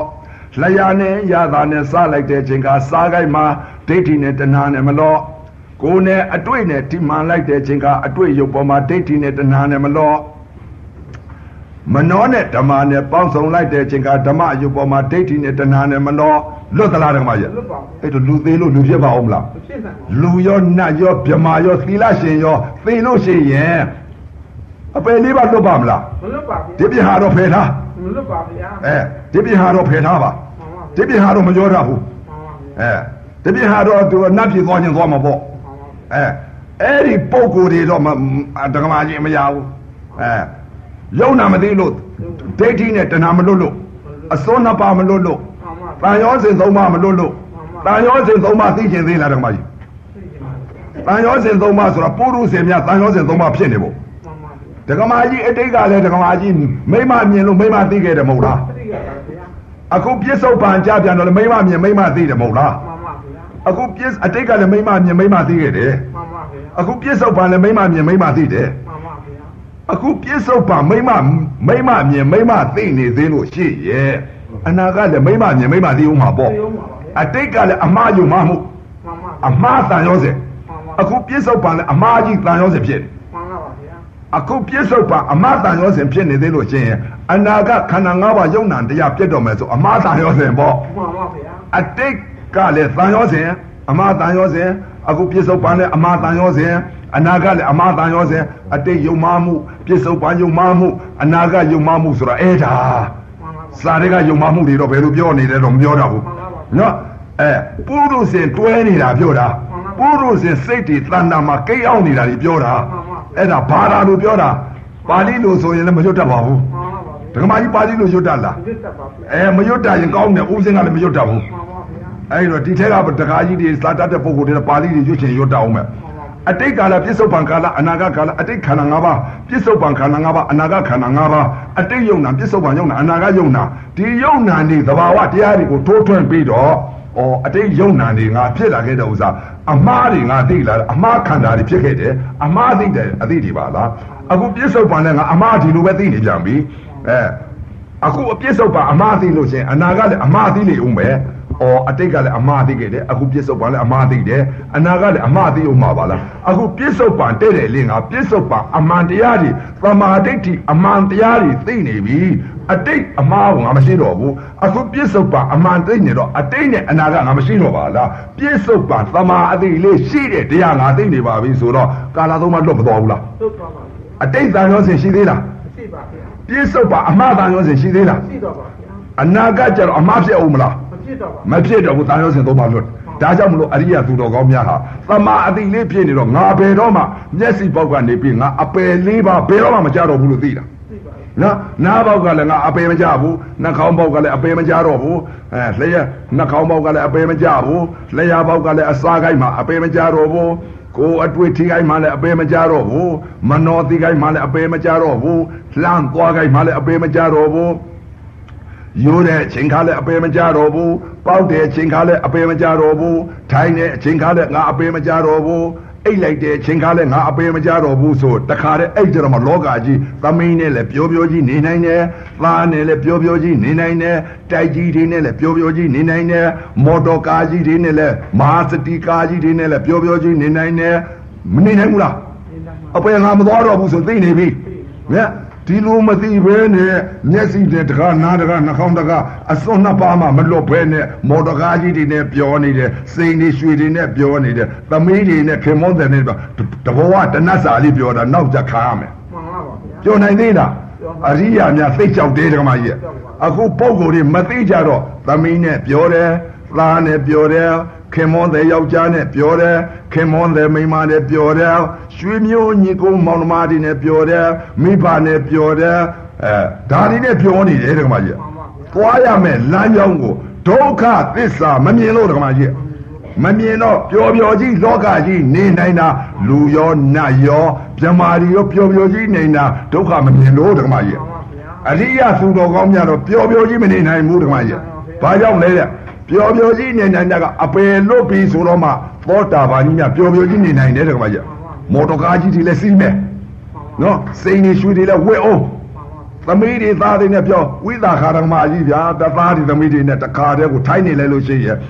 မအိမ်မမသိဘူးတဲ့ဓမ္မကြီးမြည်တွေမြစ်တွေဟာနေလိုက်တဲ့ဥစ္စာ तू ကငဲနေသေးတယ်တဲ့မှန်ပါဗျာအဲသမီးတွေသားတွေမြည်တွေမြစ်တွေနဲ့တခါတည်းထိုင်းနေလိုက်တဲ့အချိန်ခါမှာအဲ့ဒီဝိသခာဒကမာကြီးဟာဘယ်ဟာဝိသခာရဲ့လို့မသိရဘူး။ဘာကြောင့်လဲပျော်ပျော်ကြီးစိတ်ကလေးချမ်းသာနေပြီဓမ္မကြီး။အဲကြီးလိုက်တာ စိတ်နှုတ်မှကိုနှုတ်တယ်ဓမ္မကြီး။စိတ်ကလေးချမ်းသာမှကိုချမ်းသာတယ်ဓမ္မကြီး။နော်စိတ်မချမ်းသာလို့ရှိရင်ကိုမချမ်းသာဘူး။အဲ့ဒီတော့စိတ်ကလေးကသူချမ်းသာသွားပြီငါဘယ်တော့မှအပယ်မသွားတော့ဘူးငါခန္ဓာ၅ပါးယုံနာနှစ်ပါးငါပြောင်းယုံပဲရှိတော့တယ်ဘယ်ခန္ဓာပြောင်းမလဲသူဂရိ ဘုံကငါနတ်ပြည်၆တာနတ်ခန္ဓာငါပြောင်းတော့မယ်ဆိုတော့သူသေးရမှာကြောက်ပါဦးမလားကျင်းသေးသိနေတယ်မသိတဲ့ပုဂ္ဂိုလ်သေးရမှာကြောက်တယ်ဒီခန္ဓာစုံကြီးကိုတွဲနေတာလိုချင်လိုက်တာဒီခန္ဓာကြီးခန္ဓာဘုံကြီးတယ်မှာကြီးဒီခန္ဓာကြီးကိုတခါတည်းကိုအဲသိနေတဲ့ဥစ္စာဟာလိုချင်နေတဲ့ဥစ္စာကဓမ္မကြီးရဲ့မသိလို့လိုချင်တာအဲ့တော့ဒီခန္ဓာပုံနဲ့နတ်ခန္ဓာနဲ့မလဲနိုင်ဘူးလားလဲနိုင်ရမှာပေါ့ အဲ့ဒါကြောင့်မလို့တရားဓမ္မများအရေးကြီးဆုံးအချက်ကဘာလဲတဲ့မျက်စိတကားနားတကားနှာခေါင်းတကားနှာခေါင်းတကားပါးစပ်တကားကိုယ်တကားမနောတကားတကား6ပေါက်အာယုံ5အာယုံ6နဲ့တိုက်ခိုက်တိုက်တိုက်ခိုက်တိုက်မျက်စိဓာတ်ကိုလည်းသေအောင်ထိုးကြရလိမ့်မယ်နာတကူလည်းသေအောင်ထိုးကြရလိမ့်မယ်နှာခေါင်းဓာတ်ကိုလည်းသေအောင်ထိုးကြရလိမ့်မယ်လျှာဓာတ်ကိုလည်းသေအောင်ထိုးကြရလိမ့်မယ် ကိုဓာတ်ကိုလည်းသေအောင်ထိုးကြရလိမ့်မယ်မနောဓာတ်ကိုလည်းသေအောင်ထိုးကြရလိမ့်မယ်ဒီဓာတ်တွေသေမှတကမာကြီးဓာတ်တွေမသေးလို့ရှိလို့ရှင်နန္တရုပ်ဓာတ်သေသွားပြီဆိုလို့ရှိရင်ပြန်ဒကမာကြီးလိုတဲ့ခရီးသွားနိုင်တယ်နော်အဲ့ဒီတော့ထိုးရမှာကဘယ်လိုဖိုးရထိုးရမှာလဲဖခင်ကဟောထားတယ်ဘယ်လိုသတိပဋ္ဌာန်တရား၄ပါးရှိတယ်ကာယသတိပဋ္ဌာန်ကာယ ानु ပါဒနာ ဝေရဏသတိပဋ္ဌာန်ဝေရဏ అను ပါဒနာစေတာသတိပဋ္ဌာန်စေတာ అను ပါဒနာဓမ္မာသတိပဋ္ဌာန်ဓမ္မာ అను ပါဒနာတဲ့သတိပဋ္ဌာန်တရား၄ပါးဘုရားဟောထားတယ်တဲ့ကမကြီးဒီသတိပဋ္ဌာန်တရား၄ပါးကလွဲလို့နိဗ္ဗာန်ရောက်ကြောင်းတရားမရှိဘူးတဲ့ဒီသတိပဋ္ဌာန်တရားဟာတဲ့နိဗ္ဗာန်သွားတဲ့လမ်းကြီးတဲ့အဲအယုအလွန်ရဲ့အယုကဲကြားထဲမှာတဲ့မဲ့ကလမ်းကြီးတဲ့ဘုရားဟောထားတာအဲ့တော့အသိဟာ ဘယ်လိုလမ်းသွားရမလဲတဲ့မဲ့ခင်လမ်းကြီးကိုသွားကြရလိမ့်မယ်မဲ့ခင်လမ်းကြီးသွားပြီဆိုလို့ရှိရင်မျက်စိပေါက်ကလည်းအသိရှိရလိမ့်မယ်သတိပဋ္ဌာန်ကိုဓမ္မကြီးကာယသတိပဋ္ဌာန်မျက်စိပေါက်ကလည်းကာယသတိပဋ္ဌာန်ဘာကိုမြင်လဲရုပ်ကိုမြင်တာမှန်ပါဗျာနားကလည်းရုပ်ကိုအတန်ကြားတာမှန်ပါနှာခေါင်းကလည်းရုပ်နာရုပ်ကိုနားတာမှန်ပါလျှာကလည်းယာသရုပ်ကိုစားတာမှန်ပါဗျာကိုယ်ကလည်းအတွေ့ရုပ်ကိုထိတာမှန်ပါဗျာ မနှောကလည်းဓမ္မရုပ်ကိုသိတာရုပ်ကြည့်ပဲမဟုတ်လားမှန်ပါအဲ့ဒီလိုတကား၆ပေါက်အာယုံကနဲ့ထိလိုက်ပြီဆိုရုပ်ကိုကြည့်ပဲမဟုတ်လားဓမ္မမှကြီးန်ပါဗျာရုပ်ကိုသိလိုက်ပြီးကာယဘောဓမ္မကြီးမှန်ပါနော်ဗျာအဲ့ဒီတော့ဘုရားကကာယသတိပဋ္ဌာန်ဆိုဒါကြောင့်မလို့ဘုရားကဟောထားတယ်အတိတလုံးအများဆုံးတဲ့အတိတလုံးအများဆုံးဆိုတော့ဘုရားကမြင်တာလဲအသိနဲ့မြင်ရမယ်ကြားတာလဲအသိနဲ့ကြားရမယ် နာနာလဲအသိနဲ့နာရမယ်စားလိုက်တယ်ရတာလဲအသိလေးနဲ့စားကြရမယ်ထိလိုက်တဲ့အတွေ့လဲအသိလေးနဲ့ထိရမယ်သိလိုက်တဲ့စိတ်ကလေးလဲအသိလေးနဲ့သိရမယ်ယိုပြန်တော့လဲအသိလေးနဲ့ယိုရမယ်ပေါက်ပြန်တော့လဲအသိလေးနဲ့ပေါက်ရမယ်ထိုင်များတော့လဲအသိလေးနဲ့ထိုင်ကြရလိမ့်မယ်ထလိုက်ပြန်တော့လဲအသိလေးနဲ့ထကြရလိမ့်မယ်လှမ်းသွားပြန်တော့လဲအသိလေးနဲ့လှမ်းကြရလိမ့်မယ်အိတ်လိုက်ပြန်တော့လဲအသိလေးနဲ့အိတ်ရလိမ့်မယ်အသိရှိပဲတကမကြီးမှန်ပါဗျာ အသိရှိပြီဆိုလို့ရှိရင်ရှိတဲ့တရားနဲ့မရှိတဲ့တရားရှိတဲ့တရားကိုသိပြီဆိုရင်သမာဘောဓမ္မကြီးမှန်ပါဗျာမရှိတဲ့တရားကိုသိပြီဆိုရင်မိစ္ဆာဘောမှန်ပါပါခုနတုန်းကဟောလိုက်တဲ့အစွန်းနှစ်ပါးဒိဋ္ဌိနဲ့တဏှာအစွန်းနှစ်ပါးမလွတ်လိုက်တဲ့ဥစ္စာမရှိတဲ့တရားတွေသိလိုက်လို့မိစ္ဆာမိစ္ဆာနဲ့ဟုတ်တယ်မိမိစ္ဆာဒိဋ္ဌိနဲ့တဏှာဖြစ်နေတယ်ဓမ္မကြီးမှန်ပါမရှိတာတွေသိလို့မှန်ပါရှိတဲ့တရားလေးကိုသိလိုက်ရင်သမာအသိတယ်နော်အဲ့ဒီတော့ ရှိတဲ့တရားကိုဘုရားကတော့အသိတစ်လုံးအမြတ်ဆုံးလို့ဟောထားတယ်ဓမ္မကြီးအဲ့ဒီတော့မရှိတဲ့တရားသိရမှာကဘယ်လိုပုံကိုမျိုးမှသိတာလဲဆိုလို့ရှိရင်ဝိပဿနာတရားကျင့်ညာအားထုတ်တဲ့ပုဂ္ဂိုလ်မှစာအုပ်ကြီးကြီးတဲ့ပုဂ္ဂိုလ်ကသိနိုင်မှာမလားမသိနိုင်ပါဗျာတချို့ကတော့စာအုပ်ကြီးကြည့်ပြီးသိနေတယ်ဓမ္မကြီးမှန်ပါဗျာတကယ်အစ်စ်သဘာဝတရားသိလားဆို तू မှမကြည့်မင်းနဲ့စာအုပ်ကြီးတဲ့ကသိမှတ်ထားတာဖတ်ပြီးတော့သိထားတာဒါကိုငါသိဆိုထားတယ်တခါမှမှန်ပါဗျာ အဲ့ဒီတော့ခန္ဓာမှာတကယ်ရှာရင်တကယ်တွေ့ပါလေတွေ့ပါနော်အဲ့ဒီတော့အသိဟာဘုရားကလည်းဟောထားတယ်တရားတော်မြတ်ဟာအကုန်လုံးတရားကြီးပဲတဲ့မှန်ပါဗျာတရားကြီးဆိုတော့ခုနကတော့အသိထားမယ်ဆိုရင်အကုန်တရားကြီးဘောဓမမှကြီးန်ပါဗျာဘယ်လိုတရားကြီးဟောထားလဲဘုရားကမြင်တာလည်းတရားကြားတာလည်းတရားနာတာလည်းတရားစားတာလည်းတရားထိတာလည်းတရားသိတာလည်းတရားယူတာလည်းတရားပေါက်တာလည်းတရားထိုင်တာလည်းတရားလှမ်းတာလည်းတရား အိတ်လိုက်တာလည်းတရားအကုန်တရားကြီးပဲတကမကြီးမြင်တာလည်းအစင်ပရမကြားတာလည်းသံပရမနာနာလည်းအနံပရမစားတာလည်းယတာပရမထိတာလည်းအတွေ့ပရမသိတာလည်းဓမ္မပရမတဲ့အကုန်လုံးပရမကြီးပဲဓမ္မကြီးမှန်ပါဗျာပရမသဘောတရားကဘာလဲဆိုတော့ယုတ်အနတ္တနာအနတ္တမှန်ပါဗျာယုတ်အနတ္တနာအနတ္တသဘောတရားကဘာလဲတဲ့မြင်တာကလည်းခဏလေးမြင်ပြီးခဏလေးပြောင်းသွားတယ်ဓမ္မကြီးမှန်ပါဗျာ ကြားတာကလည်းခဏလေးကြားပြီးခဏလေးပြောင်းသွားတယ်မှန်ပါဗျာနာနာကလည်းခဏလေးနာပြီးခဏလေးပြောင်းသွားတယ်မှန်ပါဗျာစားလိုက်တဲ့ရတာလည်းခဏလေးခဏလေးပြောင်းတယ်မှန်ပါဗျာဥပဇင်းတော့မနေ့ကတော့ဆွန်းစားလိုက်တယ်ဓမ္မကြီးမှန်ပါဗျာဆွန်းစားလိုက်တော့ဘာကိုစားလိုက်တယ်တော်ကြဒူးရင်းသီးစားလိုက်တယ်ဓမ္မကြီးပြောင်းသွားပြန်ပြီဓမ္မကြီးမှန်ပါဗျာဆွန်းစားတော့ကလေမှန်ပါဗျာပြောင်းသွားတော့ကြငါပိတ်စားလိုက်တော့ငားလာတယ်ဓမ္မကြီးမှန်ပါဗျာနော်အဲ ဟင်းကြိုတောက်လိုက်တော့ချိုတူတူလေးဖြစ်လာတယ်မှန်ပါဒါတွေကပြောင်းလဲနေတယ်မဟုတ်လားကျောင်းဝဲပါရတာရုပ်ကလည်းပြောင်းလဲတယ်မဟုတ်လားပြောင်းလဲပါလျာရုပ်ကလည်းပြောင်းလဲတယ်မဟုတ်လားသပြောင်းလဲပါဘောပြောတာဘာသာလို့ပြောတာမှန်ပါသဘောပေါက်အောင်လို့မှန်ပါနော်အဲ့ဒီတော့အကုန်လုံးပြောင်းလဲခြင်းသဘောတရားရုပ်ဤသဘောတရားတွေကပြောင်းနေတယ်ဒီမှာကြီးကျောင်းပါသေတာမဟုတ်ဘူးမှန်ပါနော်ရုပ်ဆိုတဲ့သဘောတစ်ခုတည်းတစ်ခုတစ်ခုပြီးတစ်ခုကပြောင်းလဲခြင်းဘဝအမျိုးမျိုးပြောင်းလဲနေတဲ့တန်တရာ နော်မျက်စိကလည်းပြောင်းလဲတဲ့သဘောတရားနားကလည်းပြောင်းလဲတဲ့သဘောတရားနှာခေါင်းကလည်းပြောင်းလဲတဲ့သဘောတရားလျှာကလည်းပြောင်းလဲတဲ့သဘောတရားအတွေ့ကလည်းပြောင်းလဲတဲ့သဘောတရားဓမ္မကလည်းပြောင်းလဲတဲ့သဘောတရားအကုန်လုံးပြောင်းလဲနေတယ်ဓမ္မကြီးမှန်ပါဗျာမျက်စိကလည်းဘယ်လိုပြောင်းလဲအစင်းတွေကလည်းပြောင်းလဲတယ်တော်တော်ကြာမဲတာပေါ်လာလိုက်တော်ကြာဖြူတာပေါ်လာလိုက်တော်ကြာအဲကြည်တာလေးပေါ်လာလိုက် ကြော့တော်ကြာဝါတာပေါ်လာလိုက်တော်ကြာနေတာပေါ်လာလိုက်တော်တော်ကြာစိမ့်တာလေးပေါ်လာလိုက်တော်ကြာပြာရောင်ကြီးပေါ်လာလိုက်တော်ကြာမဲရောင်ကြီးပေါ်လာလိုက်အစင်းတွေကလည်းပြောင်းတယ်မဟုတ်လားကျောင်းပါဗျာသံဌာနတွေကလည်းတော်ကြရှည်တာပေါ်လာလိုက်တော်ကြတိုးတာပေါ်လာလိုက်တော်တော်ကြဝတာပေါ်လာလိုက်တော်တော်ကြပိန်တာပေါ်လာလိုက်နဲ့သံဌာနတွေကလည်းပြောင်းလဲနေတယ်မဟုတ်လားကျောင်းဝဲပါလားဗျာ မျက်စိကလည်းစိန်တာပေါ်တော့စိန်တယ်လို့မြင်များမီနေတာပေါ်တော့မြင်နေတယ်လို့မြင်များမီဖြူတာပေါ်လို့ဖြူတယ်လို့မြင်များမီအအစင်းပေါ်လာတဲ့သံဌာနပေါ်လာတော့မျက်စိကလည်းပြောင်းလဲပြီးတော့မြင်တတ်တဲ့သဘောပဲမဟုတ်လားမှန်ပါပါဗျာအစင်းတွေကလည်းပြောင်းလဲနေတဲ့သဘောမဟုတ်လားမှန်ပါသံဌာနတွေကလည်းပြောင်းလဲနေတယ်မဟုတ်လားမှန်ပါနန္တကလည်းတစ်ခုပြီးတစ်ခုဟာ အကြောင်းအားလျော်စွာတိုက်ခိုက်လိုက်မှပြောင်းလဲပြီးတော့ညွန့်ပြီးခံစားနေတယ်မဟုတ်လားမှန်ပါပါဗျာ အဲနာငါလည်းပြောင်းလဲခြင်းညွတ်တတ်တဲ့ရုပ်ဝေဒနာကိုနာငါလည်းပြောင်းလဲပြီးညွတ်တတ်တဲ့သဘောရုပ်ကလည်းအစင်းကလည်းပြောင်းလဲတတ်တဲ့သဘောသံဌာနာတွေကလည်းပြောင်းလဲတတ်တဲ့သဘောမျက်စိကလည်းပြောင်းလဲမြင်တတ်တဲ့သဘောနာငါလည်းပြောင်းလဲညွတ်တတ်တဲ့သဘောရုပ်အနတ္တနာအနတ္တကပြောင်းလဲနေတယ်မဟုတ်လားမှန်ပါပါဗျာအဲ့ဒီပြောင်းလဲတယ်ဆိုတော့ငါမြင်တယ်လို့ရှိသေးလားမရှိပါဘူးမိမရောခွေးရောမရှိပါဘူးဝက်ရောမရှိပါဘူးနွားရောမရှိ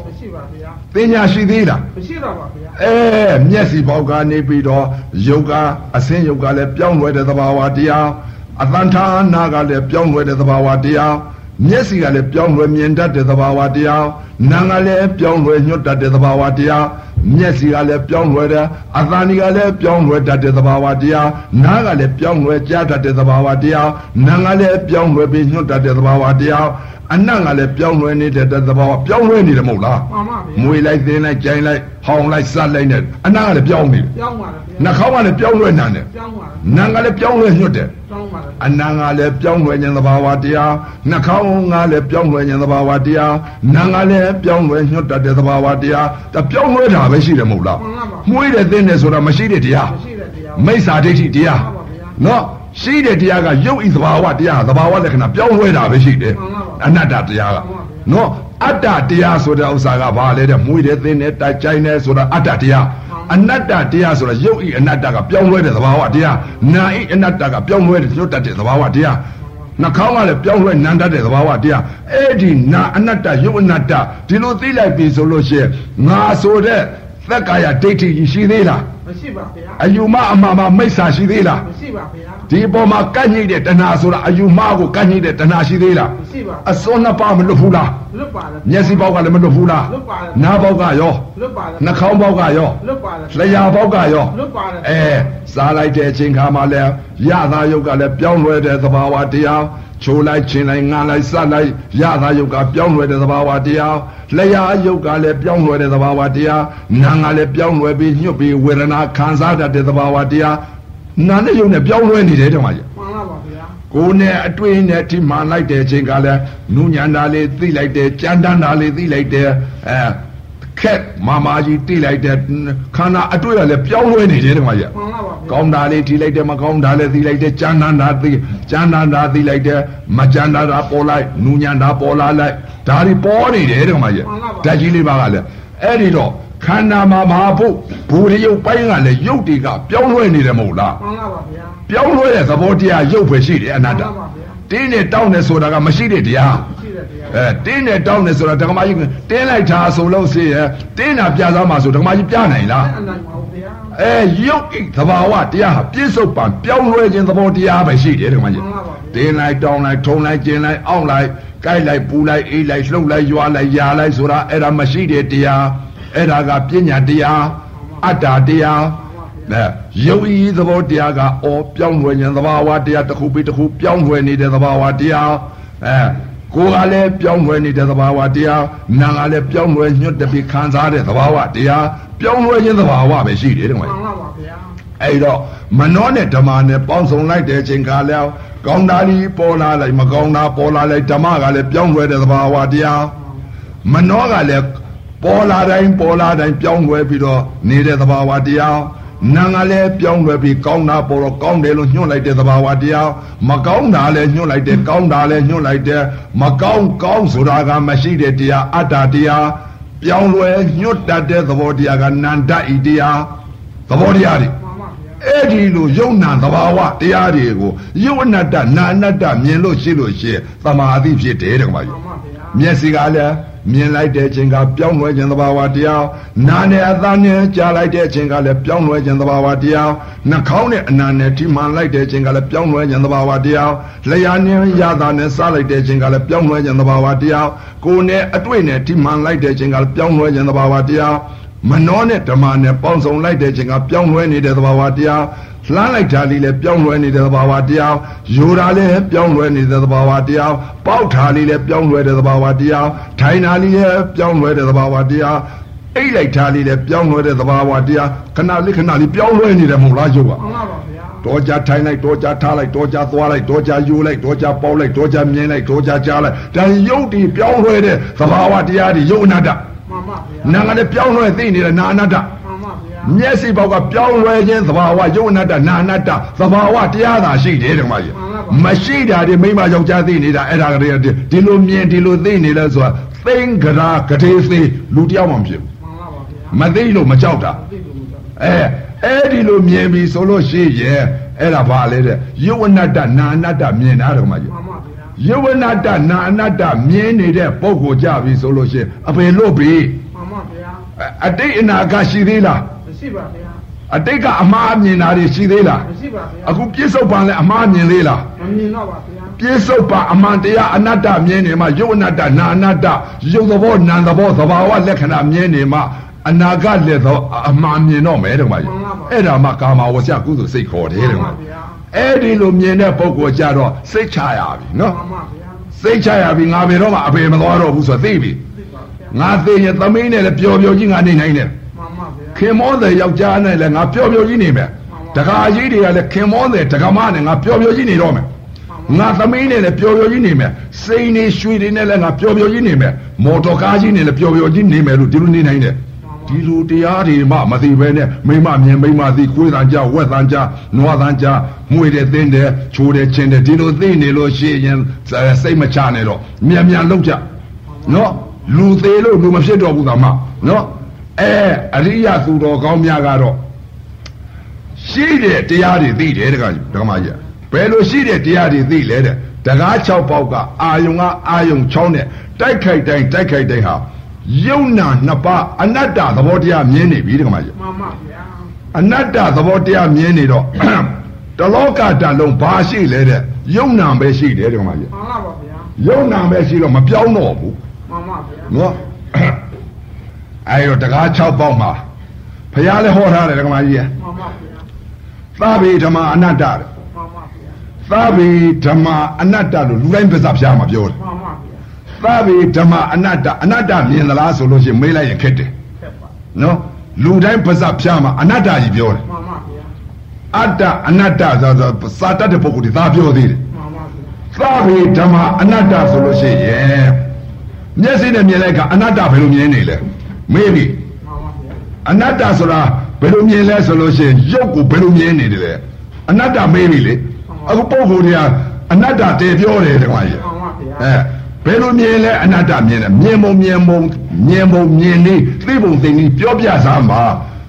အဲသဗ္ဗေဓမ္မအနတ္တလို့ဘုရားဟောတယ်အနတ္တဆိုဓမ္မသဘောကြီးသူသဘောသူဆောင်းနေတယ်တခါမှန်ကြီးပါဗျာအစင်းတွေကလည်းပြောင်းလဲတယ်အသာတွေကလည်းပြောင်းလဲတယ်သူ့ဟာသူပဲမဟုတ်လား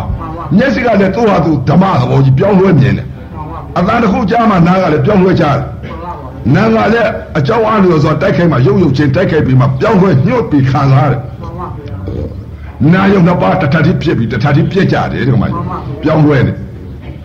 အဲ့တော့ပုဂ္ဂိုလ်တွေဟာဖြင့်သဗ္ဗေဓမ္မအနတ္တဘောကွာလို့ဒီလိုပြောရတော့အနတ္တမြင်ပုံမြင်နေပြောပြစမ်းပါဆိုရုပ်အနတ္တနာအနတ္တရုပ်အနတ္တဘယ်လိုမြင်သလဲ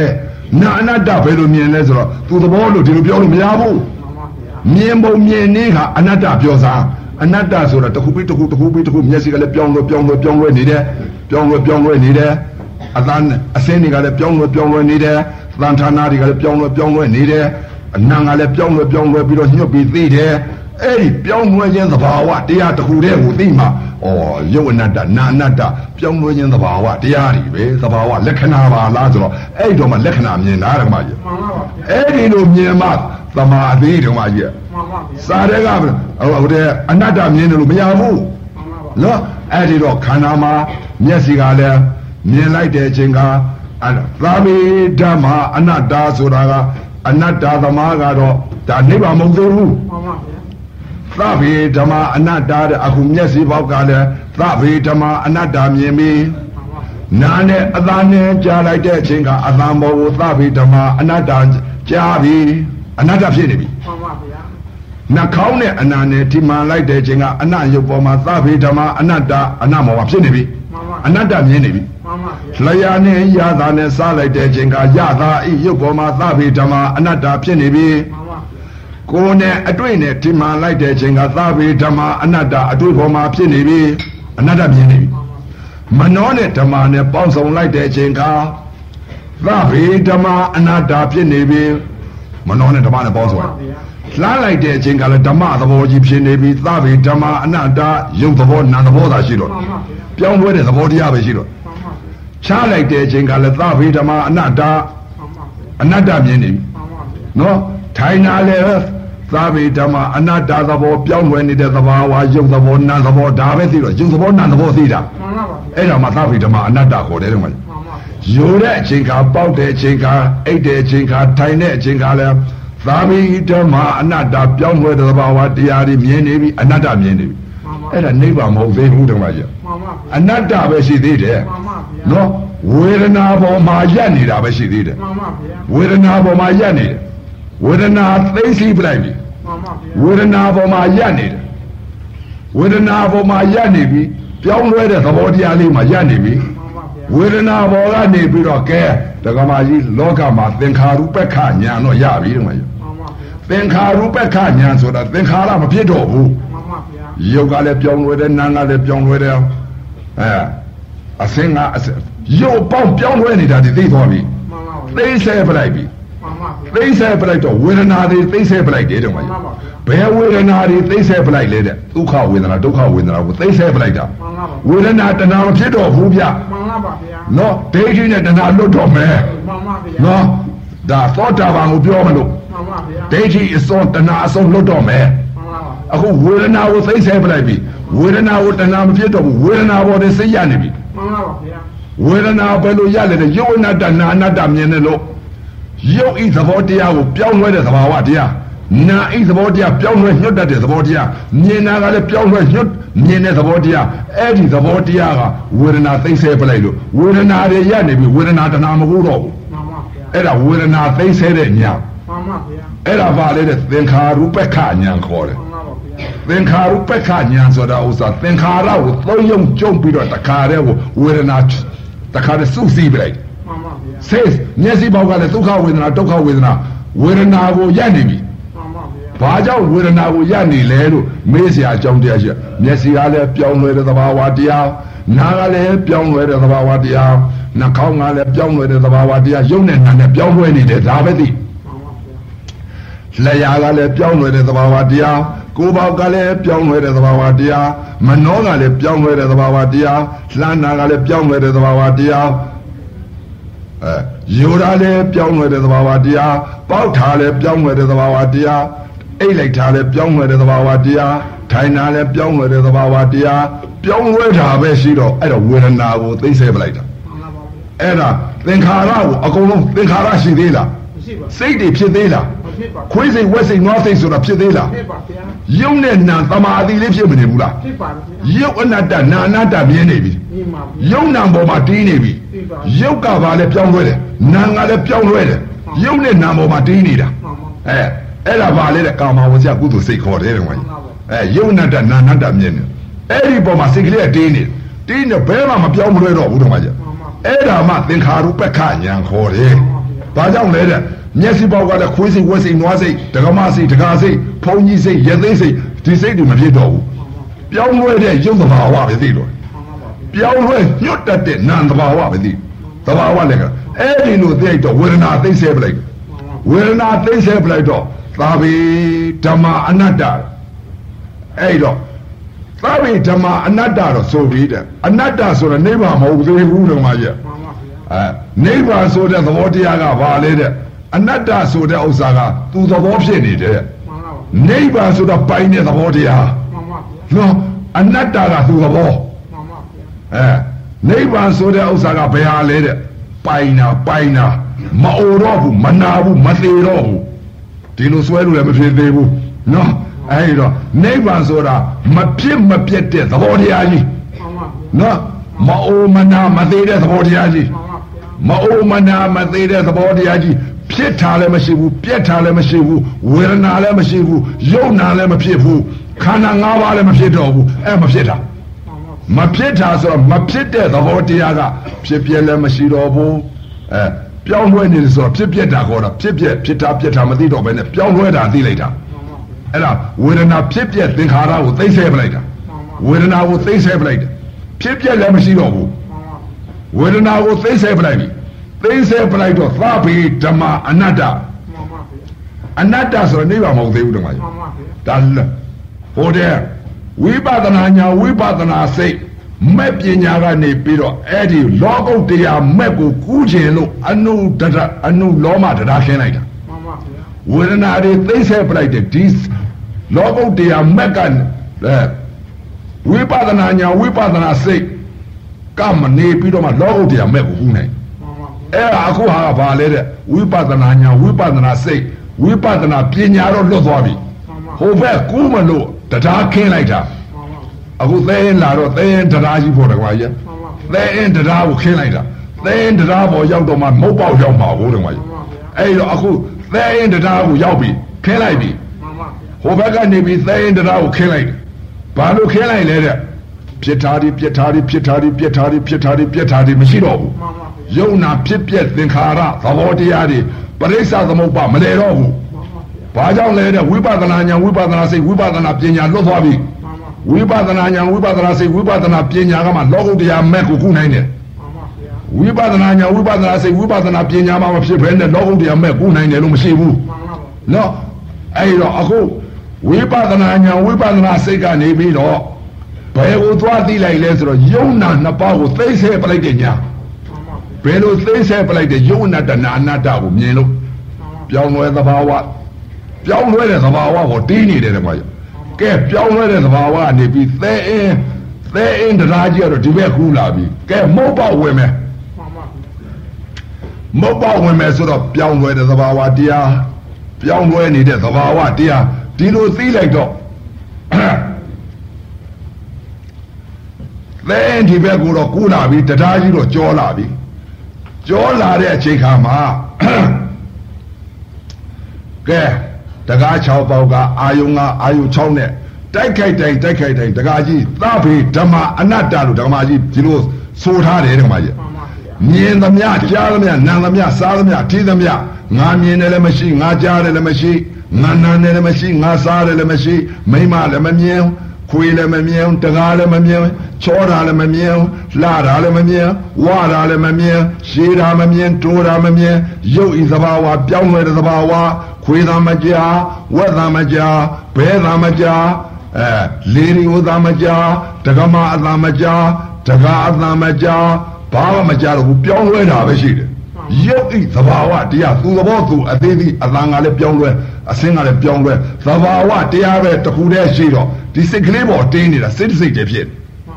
မျက်စိကလည်းပြောင်းလဲတယ်နားကလည်းပြောင်းလဲတယ်တော့တခုတည်းဖြစ်ကဲတခုတည်းဖြစ်တော့ရုပ်နဲ့နာနဲ့လွတ်ရအောင်မဲတကမကြီးရုပ်နဲ့နာနဲ့လွတ်တော့ကဲခန္ဓာ၅ပါးရှိသေးတယ်တကမကြီးနော်အဲ့တော့ဝိပဿနာညာဝိပဿနာစိတ်တော့ဖြစ်ပြကြီးရှင်းနေတယ်ဖြစ်ပြကြီးရှင်းနေတော့ယုံနာပေါ်မှာတေးနေတယ် ပြောင်းလဲတဲ့ယုတ်ကယုတ်နဲ့နာနဲ့ပြောင်းလဲတဲ့ပေါ်မှာယုံနာပေါ်မှာတေးနေတာယုံနာကနေပြီးပြောင်းအောင်မစိတ်ဩပြောင်းလဲတဲ့သဘောတရားပဲဩနာနဲ့ယုံနဲ့ဟာယုတ်ကလည်းပြောင်းလဲတယ်နာကလည်းပြောင်းလဲပြီးညွတ်တယ်နာနဲ့ယုတ်နဲ့တတတိဖြစ်နေတဲ့ဥစ္စာခံစားမှုသဘောဝေဒနာပါလားဆိုဝေဒနာပြောင်းလိုက်ရောကိုးပြီဓမ္မကြီးဝေဒနာဒီပါလေဝေဒနာဒီ နာနဲ့ယုံနဲ့တတိဖြစ်တဲ့ဥစ္စာဝေဒနာခန္ဓာပါလားဆိုဝေဒနာကနေပြီးဝေဒနာခန္ဓာပြောင်းဝင်ပြောင်းလဲတာရှိသေးလားနာယုတ်ရှိသေးလားလွတ်မတော်ဘူးလားဝေဒနာခန္ဓာဆိုတော့ခန္ဓာ၅ပါးပေါ်ဝေဒနာခန္ဓာပေါ်မှာဝေဒနာရပ်ပြီဝေဒနာလွတ်တော့မယ်အဲတကား6ပေါက်အာယုံကအာယုံ6နဲ့တိုက်ခိုက်တိုက်တိုက်ခိုက်တိုင်းလက်ဥစိတ်ကလေးကတော့ပြောင်းလဲတဲ့သဘာဝတရားအသံလည်းပြောင်းလဲတဲ့သဘာဝတရား အနံ့လည်းပြောင်းလဲတဲ့သဘာဝတရားဒါပြောင်းလဲတဲ့သဘာဝတရားရုပ်အနတ္တမြင်နေတယ်တဲ့ကွာအခုလောကုတ်တရားမဲ့ကူးလိုက်တယ်ဘယ်ကူးလိုက်တဲ့အဲ့ဒီပြောင်းလဲတဲ့သဘာဝတရားကနေပြီးစိတ်ကလေးတွေပြောင်းလဲအဲမက်စိတ်ဖြစ်ချင်တော့မက်စောစောတာဟုတ်ပြောင်းလဲတဲ့သဘောတရားကနေပြီးတော့စိတ်ကလေးပြောင်းပလိုက်တာဩပြောင်းလဲတဲ့သဘောတရားကရုပ်ဆိုတဲ့သဘောတရားကပြောင်းလဲတယ် နာဆိုတဲ့သဘောတရားကပြောင်းလဲညွတ်တတ်တယ်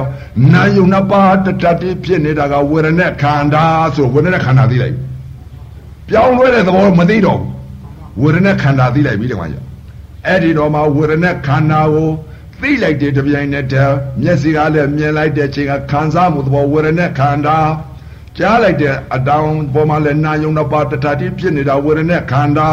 အနတ်နာလိုက်လေဝေဒနာခန္ဓာ ယာသာစားလိုက်လေဝေဒနာခန္ဓာအတွေ့ထိခိုက်လေဝေဒနာခန္ဓာဓမ္မသိခိုက်မှလေဝေဒနာခန္ဓာ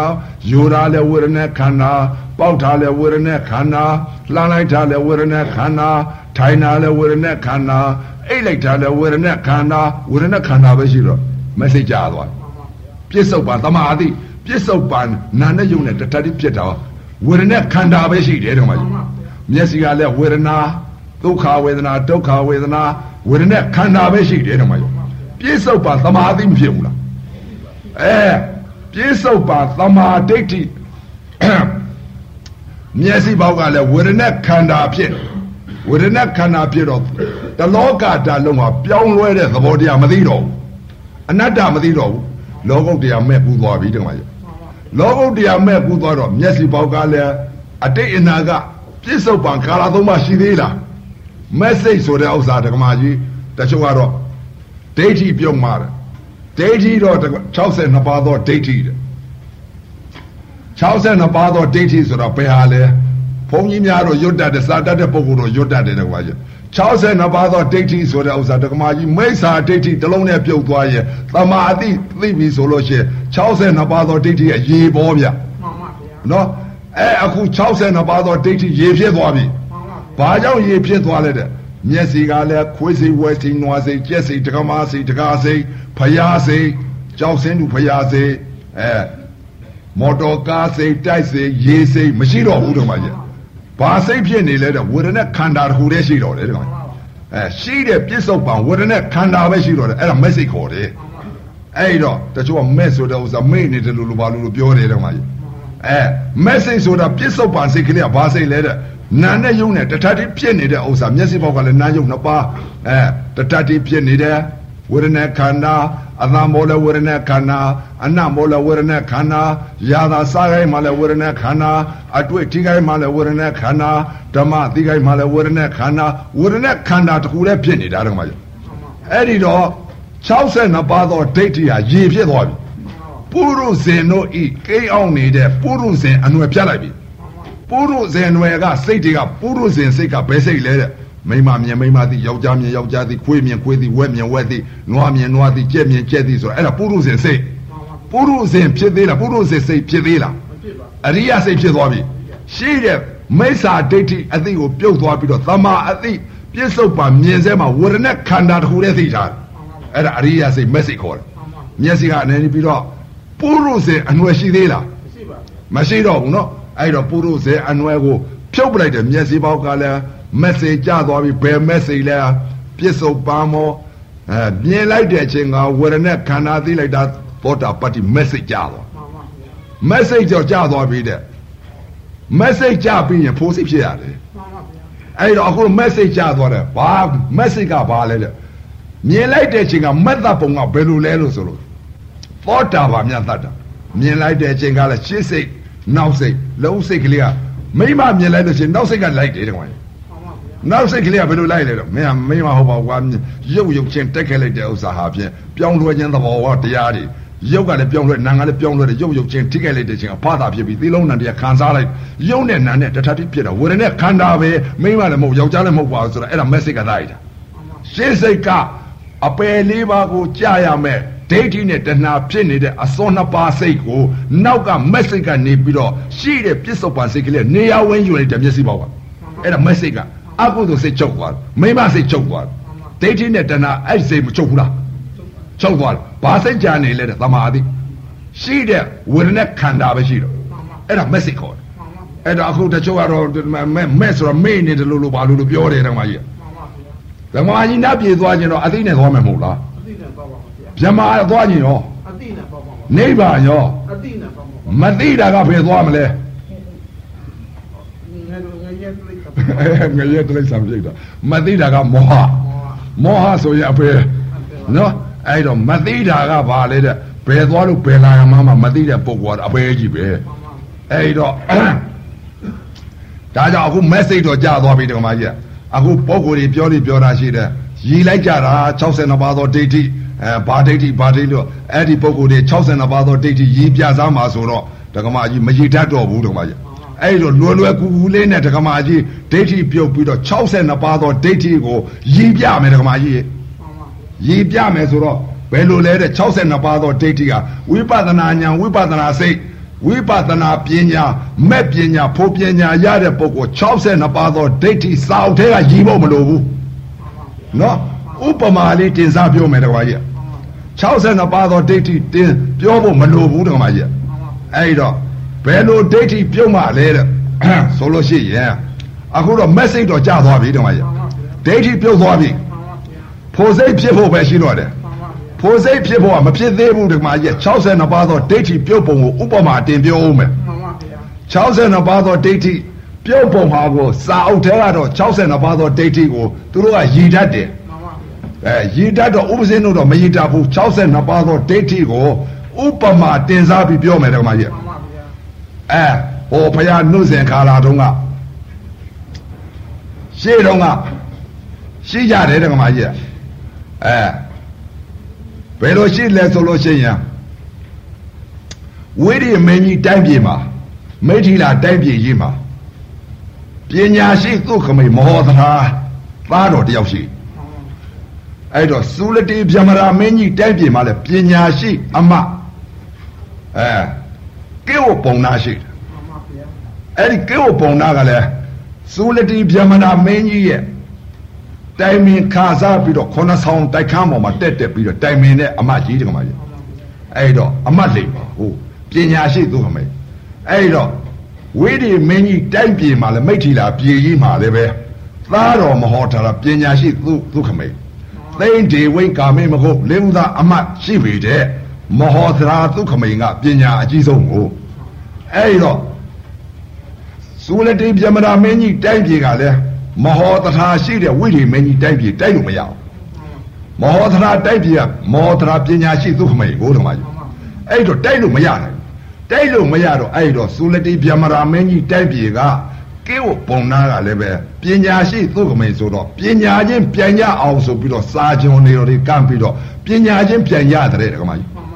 အဲ့တော့အဲခုနှစ်ပြေတောင်ကိုစာချွန်နေကန့်ပြီးတော့တခါတည်းကိုကဲဝပုံနာနဲ့ဇူလတိပြမရာမင်းကြီးတိုင်းပြေကကဲဝပုံနာနဲ့ဟေးအဲမိထီလာပြေအဲ ဝိရိယမင်းကြီးတိုင်းပြေကသားတော်မဟောတထာပညာရှိသားတော်မဟောတထာသူခမိန်နဲ့ဇူလတိပြမရာမင်းကြီးတိုင်းပြေကကဲဝပုံနာနဲ့ပညာချင်းပြန်ကြတော့မယ်ဆိုပြီးတော့စာချွန်နေကန့်ပြီးတော့အဲထားရတယ်တဲ့ကမကြီးအဲ့တော့နှစ်ပြေတောင်ကြားမှာ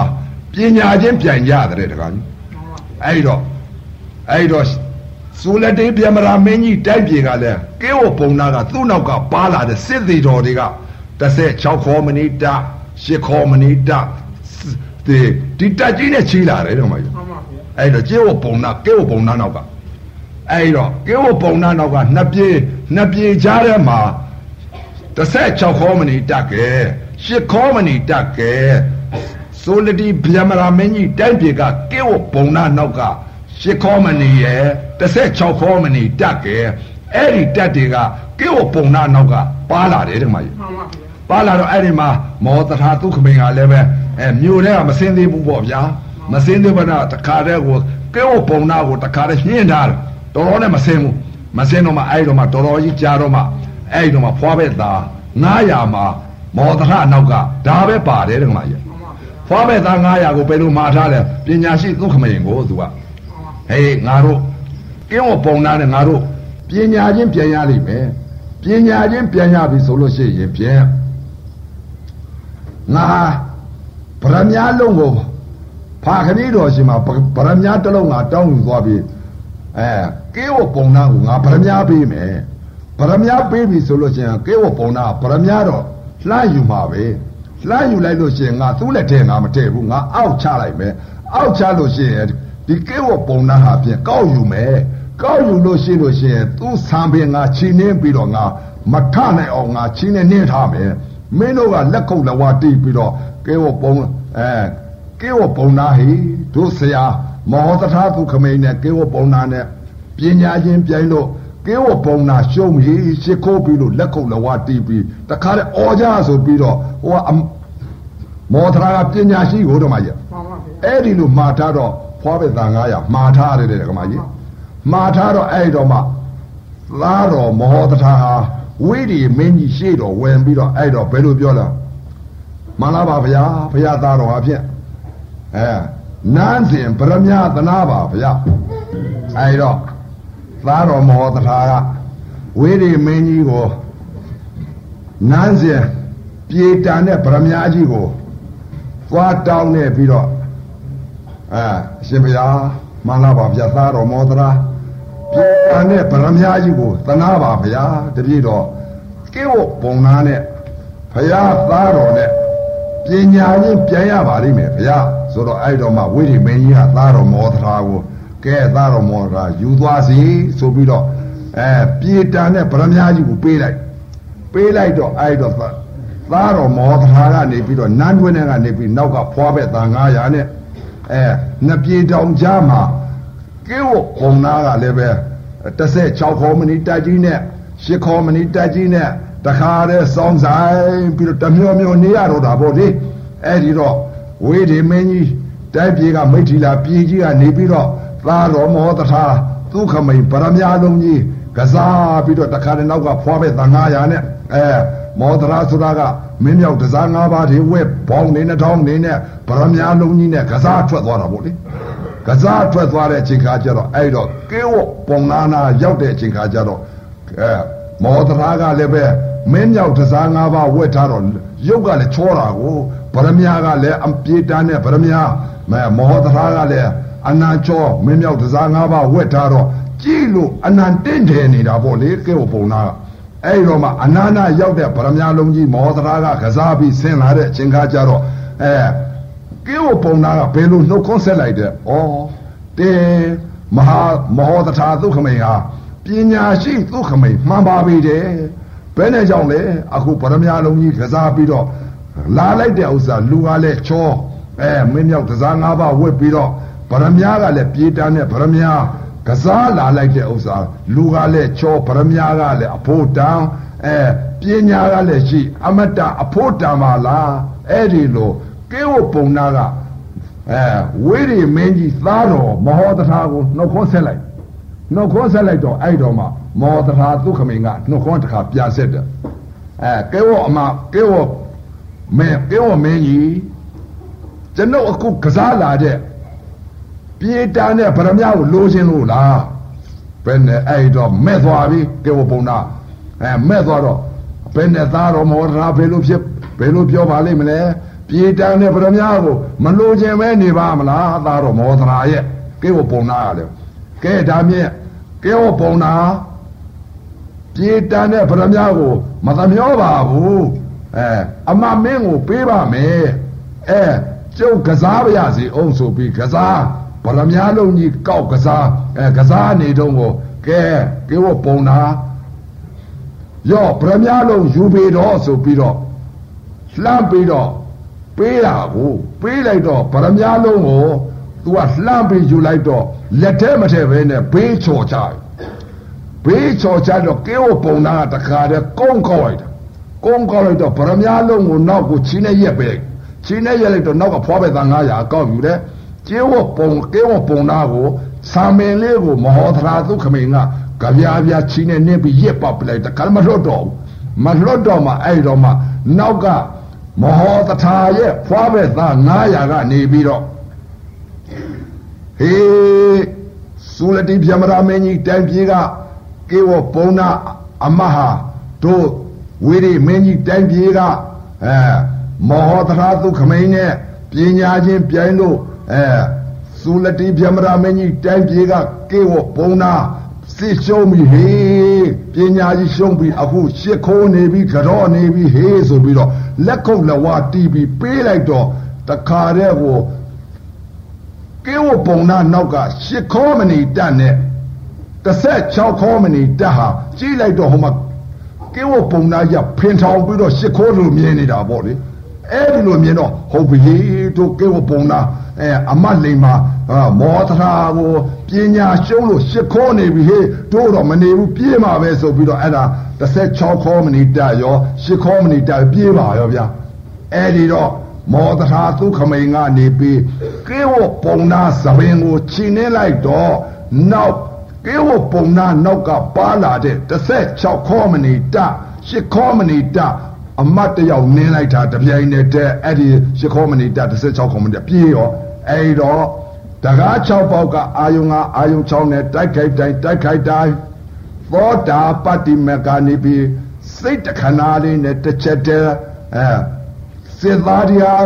တနပ်ပြစ်လိုက်လို့ရှင်လူတော်တယ်ပြစ်လိုက်လို့ရှင်စတဲ့ပရင်းငါနဲ့ဆွဲလိုက်လို့ရှင်ရန်10ယောက်9ယောက်အယောက်20သာသေနိုင်တယ်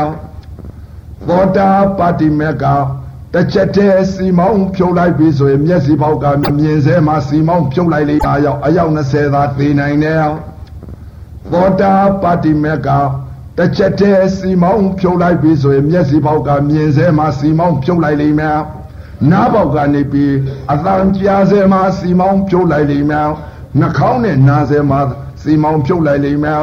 လျာနဲ့ရတာနဲ့စားစဲမှာစီမောင်းဖြုတ်လိုက်လိမ့်မယ်ကိုနဲ့အတွေ့နဲ့ဒီစဲမှာစီမောင်းဖြုတ်လိုက်လိမ့်မယ်မနှောနဲ့ဓမ္မနဲ့ဒီစဲမှာစီမောင်းဖြုတ်လိုက်မယ်တဏ္ဍမြစီမောင်းဖြုတ်လိုက်တယ်တစ်ချက်တည်းဖြုတ်လိုက်တဲ့ဥစ္စာပုရုဇဉ်တို့ဤကိန်းအောင်နေတဲ့စိတ်တွေအကုသိုလ်စိတ်တွေအပယ်လေးပါကြာရောက်မဲ့ခွေမြင်တဲ့ခွေစိတ်ဝက်မြင်တဲ့ဝက်စိတ်နွားမြင်တဲ့နွားစိတ်ကြက်မြင်တဲ့ကြက်စိတ်ရေမြင်တဲ့ရေစိတ်ငါးမြင်တဲ့ငါးစိ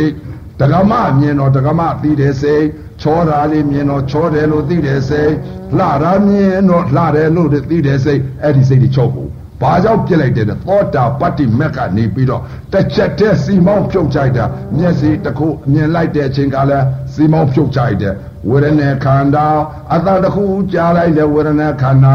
အနတ်တစ်ခုနားလိုက်တဲ့ဝေဒနာခန္ဓာယာသာတစ်ခုစားလိုက်တဲ့ဝေဒနာခန္ဓာအတွေ့တစ်ခုထိလိုက်တဲ့ဝေဒနာခန္ဓာဓမ္မတစ်ခုသိလိုက်တဲ့ဝေဒနာခန္ဓာယောရာလည်းဝေဒနာခန္ဓာပေါက်ထားလည်းဝေဒနာခန္ဓာထိုင်နာလည်းဝေဒနာခန္ဓာအကုန်လုံးဝေဒနာခန္ဓာပဲရှိတော့စေတသိက်တွေချုပ်ကုန်အဲ့ဒါပါလေတဲ့သောတာပတ္တိမေကသတ် တခါတည်းပြစ်သွင်းလိုက်တာစီမောင်းဖြုတ်ချလိုက်တာ62ပါးသောဒိဋ္ဌိရေပဲအဲစာအုပ်ထဲက62ပါးသောဒိဋ္ဌိလိုက်နေဖို့မလိုဘူးအဲမျက်စိဘောက်ကနေပြီးတော့သောတာပတ္တိမက်ကနေပြီးတစ်ချက်တည်းဝင်ပြီးတော့စီမောင်းဖြုတ်ချရသမာအတိလေးကရှိတဲ့ပြစ္ဆုတ်ပါသမာအတိလေးကနေရာဝင်ကျွဲတယ်သွားရောအဲ့ဒါကြောင့်မို့တရားဓမ္မတွေလုံရင်လည်းရမယ်မလုံဖဲနဲ့စာအုပ်ကြီးကြည်နေလို့ကတော့အဘယ်မလုံဘူး အဲစာအုပ်ကြီးကြည်တာကများနုံလို့ဒါအသိပေးတာပါဗျာအဲ့ဒါဘာလဲတဲ့သောတာပတ္တိမက်ကြဖို့တကား၆ပေါက်ကသောတာပတ္တိမက်ဆိုတာကခါမျက်စိနဲ့မြင်လိုက်တဲ့အချိန်ကအစင်းတစ်ခုပေါ်လာဝေဒနာခန္ဓာအသံတစ်ခုကြားလဲဝေဒနာခန္ဓာဝေဒနာခန္ဓာနဲ့သပြိုင်အဲဝေဒနာခန္ဓာပဲရှိတော့ကဲ message တော့ကြာသွားပြီတဲ့ message ကနေပြီးတော့ကဲဖိုစိတ်ကူကြစို့ကဲဖိုစောစောပြီးဖိုစိတ်ကူမယ် ဝေဒနာခန္ဓာကိုခန္ဓာ၅ပါးလွတ်ရအောင်မယ်ခန္ဓာ၅ပါးဘယ်လိုလွတ်မလဲတဲ့အခုဝေဒနာခန္ဓာဆိုတော့ဝေဒနာပေါ်ရနေတယ်နာဝေဒနာပေါ်ရနေတော့အဲ့တော့ဝေဒနာခန္ဓာပေါ်မှာရနေတော့ခန္ဓာ၅ပါးလွတ်ရအောင်မယ်အဲ့ဒီခန္ဓာမငါးဘောပေါ်ကနေပြီးတော့ကဲစိတ်ပြောင်းတော့မယ်မစောစောတဲ့ message ကြ message ကြပြီးဖိုစောစောမယ်ဖိုစိတ်ဖြစ်မယ်အဲ့ဒီတော့ဖိုစောစောဖို့ဟာအရေးကြီးပြီအဲ့ဒီတော့ message ကြပြီးရင် message message ကြပြီးရင်ဖိုစောစောဖိုစိတ်ဖြစ်ရအောင်မယ်သောတာပန်ဖိုစိတ်ဖြစ်အောင်အဲ့ဒီတော့ကဲဝရณะခန္ဓာကနေပြီးတော့စိတ်ပြောင်းအောင်မယ်ဩနာယုံနှစ်ပါးတတတိဖြစ်နေတာယုတ်ကယုံနဲ့နာနဲ့တထတိဖြစ်နေတာဝေဒနာခန္ဓာဝေဒနာခန္ဓာဒီဝေဒနာဒီနာမလားဆိုနာစိတ်ပြောင်းပလိုက်စိတ်ပြောင်းလိုက်ဝေဒနာခန္ဓာကနာစိတ်ပြောင်းပလိုက်ဟိုမှာတရားခင်းလိုက်တာကိုဝေဒနာခန္ဓာကနေပြီးတော့တရားခင်းလိုက်အဲ message ကြတော့ခုနကသဲရင်ကူမှာတရားကြီးကလွန်လာခဲ့တယ်သဲရင်တရားလွန်တရားလွန်လာတော့ message ကြလိုက်တာလည်းမုတ်ဦးဒီဘက်လွန်လာမုတ်ဦးဒီဘက်လွန်လိုက်တော့ကဲဖိုစိတ်ခံဖိုစိတ်ဖြစ်မယ်အဲမုံဥကနေပြီးတော့စိတ်ပြောင်းမယ်ရောက်လာအောင်မယ်ဘယ်လိုလာမလဲဝေဒနာခန္ဓာကနေပြီးတော့ကြည့်လိုက်တယ်ဝေဒနာယုံနဲ့နာနဲ့တထတိဖြစ်နေတာဝေဒနာခန္ဓာဝေဒနာသည်နာမလားစောက်စိတ်ပြောင်းဝင်ဝေဒနာခန္ဓာက ပြောင်းလိုက်တယ်ဝေဒနာသည်နာမလားနာဤသဘောဘာလို့တတ်တယ်လဲသူသဘောကြည့်လိုက်တယ်သူသဘောကြည့်လိုက်တဲ့အချိန်ကဩနာဤသဘောဟာဗိဓာမြင်လိုက်တဲ့အချိန်ကအစင်းကိုလည်းသိလိုက်တယ်ခံစားလိုက်တယ်အတန်ကိုလည်းခံစားလိုက်တယ်အနံ့ကိုလည်းခံစားလိုက်တယ်ရတာကိုလည်းခံစားလိုက်တယ်အတွေ့ကိုလည်းခံစားလိုက်တယ်အစ္ဆဒသနာငါမဟာဗုဒ္ဓကြီးလေးပါဘူတယုတ်ပိုင်းနဲ့ရုပ်ဝေဒနာလေးကိုခံစားလိုက်တဲ့အော်နံတရားဟာပြန် တကား6ပေါင်းအာယုံကအာယုံ6နဲ့တိုက်ခိုက်တိုင်းတိုက်ခိုက်တဲ့မျက်စိကလည်းဒုက္ခနဲ့ဒုက္ခခံစားတယ်အသံမောလည်းဒုက္ခနဲ့ဒုက္ခခံစားတယ်အနံ့ကိုလည်းဒုက္ခနဲ့ဒုက္ခနဲ့ခံစားတယ်အဲတလောကတလုံးဟာဒုက္ခလည်းမရှိဒုက္ခလည်းမရှိပြစ္ဆုတ်ပန်စိတ်ကလေးကဘာရှိလဲအော်ပြစ္ဆုတ်ပန်စိတ်ကလေးကပြစ္ဆုတ်ပန်ဆက်ဆက်ကလေးပြစ္ဆုတ်ပန်စိတ်ကလေးကရုပ်ဝေဒနာနာခံစားတဲ့သဘောလဲဒုက္ခလည်းမရှိဒုက္ခကိုသိလိုက်ရင်ဒေါသစိတ် ဒုက္ခကိုသိလိုက်ရင်လောဘစိတ်ဒုက္ခလည်းမရှိဒုက္ခလည်းမရှိပြစ္ဆုတ်ပံပါရှိလဲပြစ္ဆုတ်ပံဆတ်ဆတ်ကလေးနာဣလက္ခဏာခံစားတဲ့သဘောပါလားလို့ခံစားတာလေးရှိတယ်ဖြစ်တာလည်းမရှိပြက်တာလည်းမရှိရုပ်နဲ့နာလည်းမရှိတော့ဘူးခန္ဓာ၅ပါးလည်းလွတ်သွားပြီပြစ္ဆုတ်ပံကာလ၃ပါးလွတ်မြောက်တဲ့ကာလဝိမု ക്തി စိတ်ဖြစ်သွား အဲမျက်စိပေါက်ကလည်းအစင်းတစ်ခုပေါ်လာလဲခံစားတဲ့သဘောအသံတစ်ခုကြားလိုက်လဲခံစားတဲ့သဘောအနံ့တစ်ခုနားလိုက်လဲခံစားတဲ့သဘောရာသာတစ်ခုစားလိုက်လဲခံစားတဲ့သဘောအတွေ့တစ်ခုထိလိုက်လဲခံစားတဲ့သဘောဓမ္မတစ်ခုသိလိုက်လဲခံစားတဲ့သဘောလှမ်းလိုက်တာလေးလဲခံစားတဲ့သဘောချလိုက်တာလေးလည်းခံစားတဲ့သဘောထိုင်တာလည်းခံစားတဲ့သဘော အိတ်လိုက်တာလည်းခံစားတဲ့သဘောယူတာလည်းခံစားတယ်ပေါက်တာလည်းခံစားတယ်တလောကလုံးဘာရှိလဲဖြစ်တာလည်းမရှိဘူးပြက်တာလည်းမရှိဘူးပြစ္ဆုတ်ပန်ဆက်ဆက်ကလေးခံစားတဲ့သဘောဆိုကာလဝိမု ക്തി စိတ်အဲ့ဒါဖိုးစိတ်ပဲအဲ့ဒါလွတ်သွားပြီဒိဋ္ဌိအစွန်တဏှာအစွန်ရှိသေးလားမရှိတော့ဘူးဒိဋ္ဌိငါမြင်ငါကြားမိမမြင်မိမသိမှအဲ့ဒါဒိဋ္ဌိနဲ့တဏှာဖြစ်တယ်အဲအခုသမာအတိလေးလက္ခဏာစိတ်ကလေးဖြစ်နေတယ် တလောကလုံးဘာရှိလဲနာဣလက္ခဏာခံစားတဲ့သဘောလေးတစ်ခုတည်းရှိတော့တယ်အဲ့ဒါဘာလဲတဲ့ဖိုးစိတ်ပဲဗျအဲ့ဒါသောတာပတ္တိမေသောတာပတ္တိဖိုးဖိုးစိတ်ခေါ်ပါတယ်ဗျအဲအခုတရားတော်မှာများသောတာပန်အတိသောတာပန်အမြင်အောင်အဘိဓမ္မာတရားတော်များကြီးဟောကြားဆုံးမဩဝါဒပေးရတဲ့အကျိုးအာနိသင်ကြောင့်အခုလာရောက်တဲ့တရားတော်မှာအရေမနုဿတဒုံလာဘအရာကဲသောတရားလူရဲ့လိုဖြစ်လာတဲ့ချိန်ခါ မြတ်စွာဘုရားနောက်ပိဆုံးသာသနာတော်ကြီးနဲ့မိတဲ့ချိန်ခါဓမ္မယရနာတွေလည်းပွင့်လင်းတဲ့အချိန်ခါသုံးဦးသုံးပလဲမိတဲ့အချိန်ခါသမထဝိပဿနာတရားကျင့်ညာအထုံနိုင်ရပြီးအဲအတိတ်ကာလတုန်းကမရှိတဲ့တရားဒီမြင်ပြီးရှိတဲ့တရားတွေအခုမိစ္ဆာဒိဋ္ဌိရှင်းနေပြီး ရှိတဲ့သမာဓိဋ္ဌိမြင်နိုင်ကြပါစေကုန်တော်သတည်း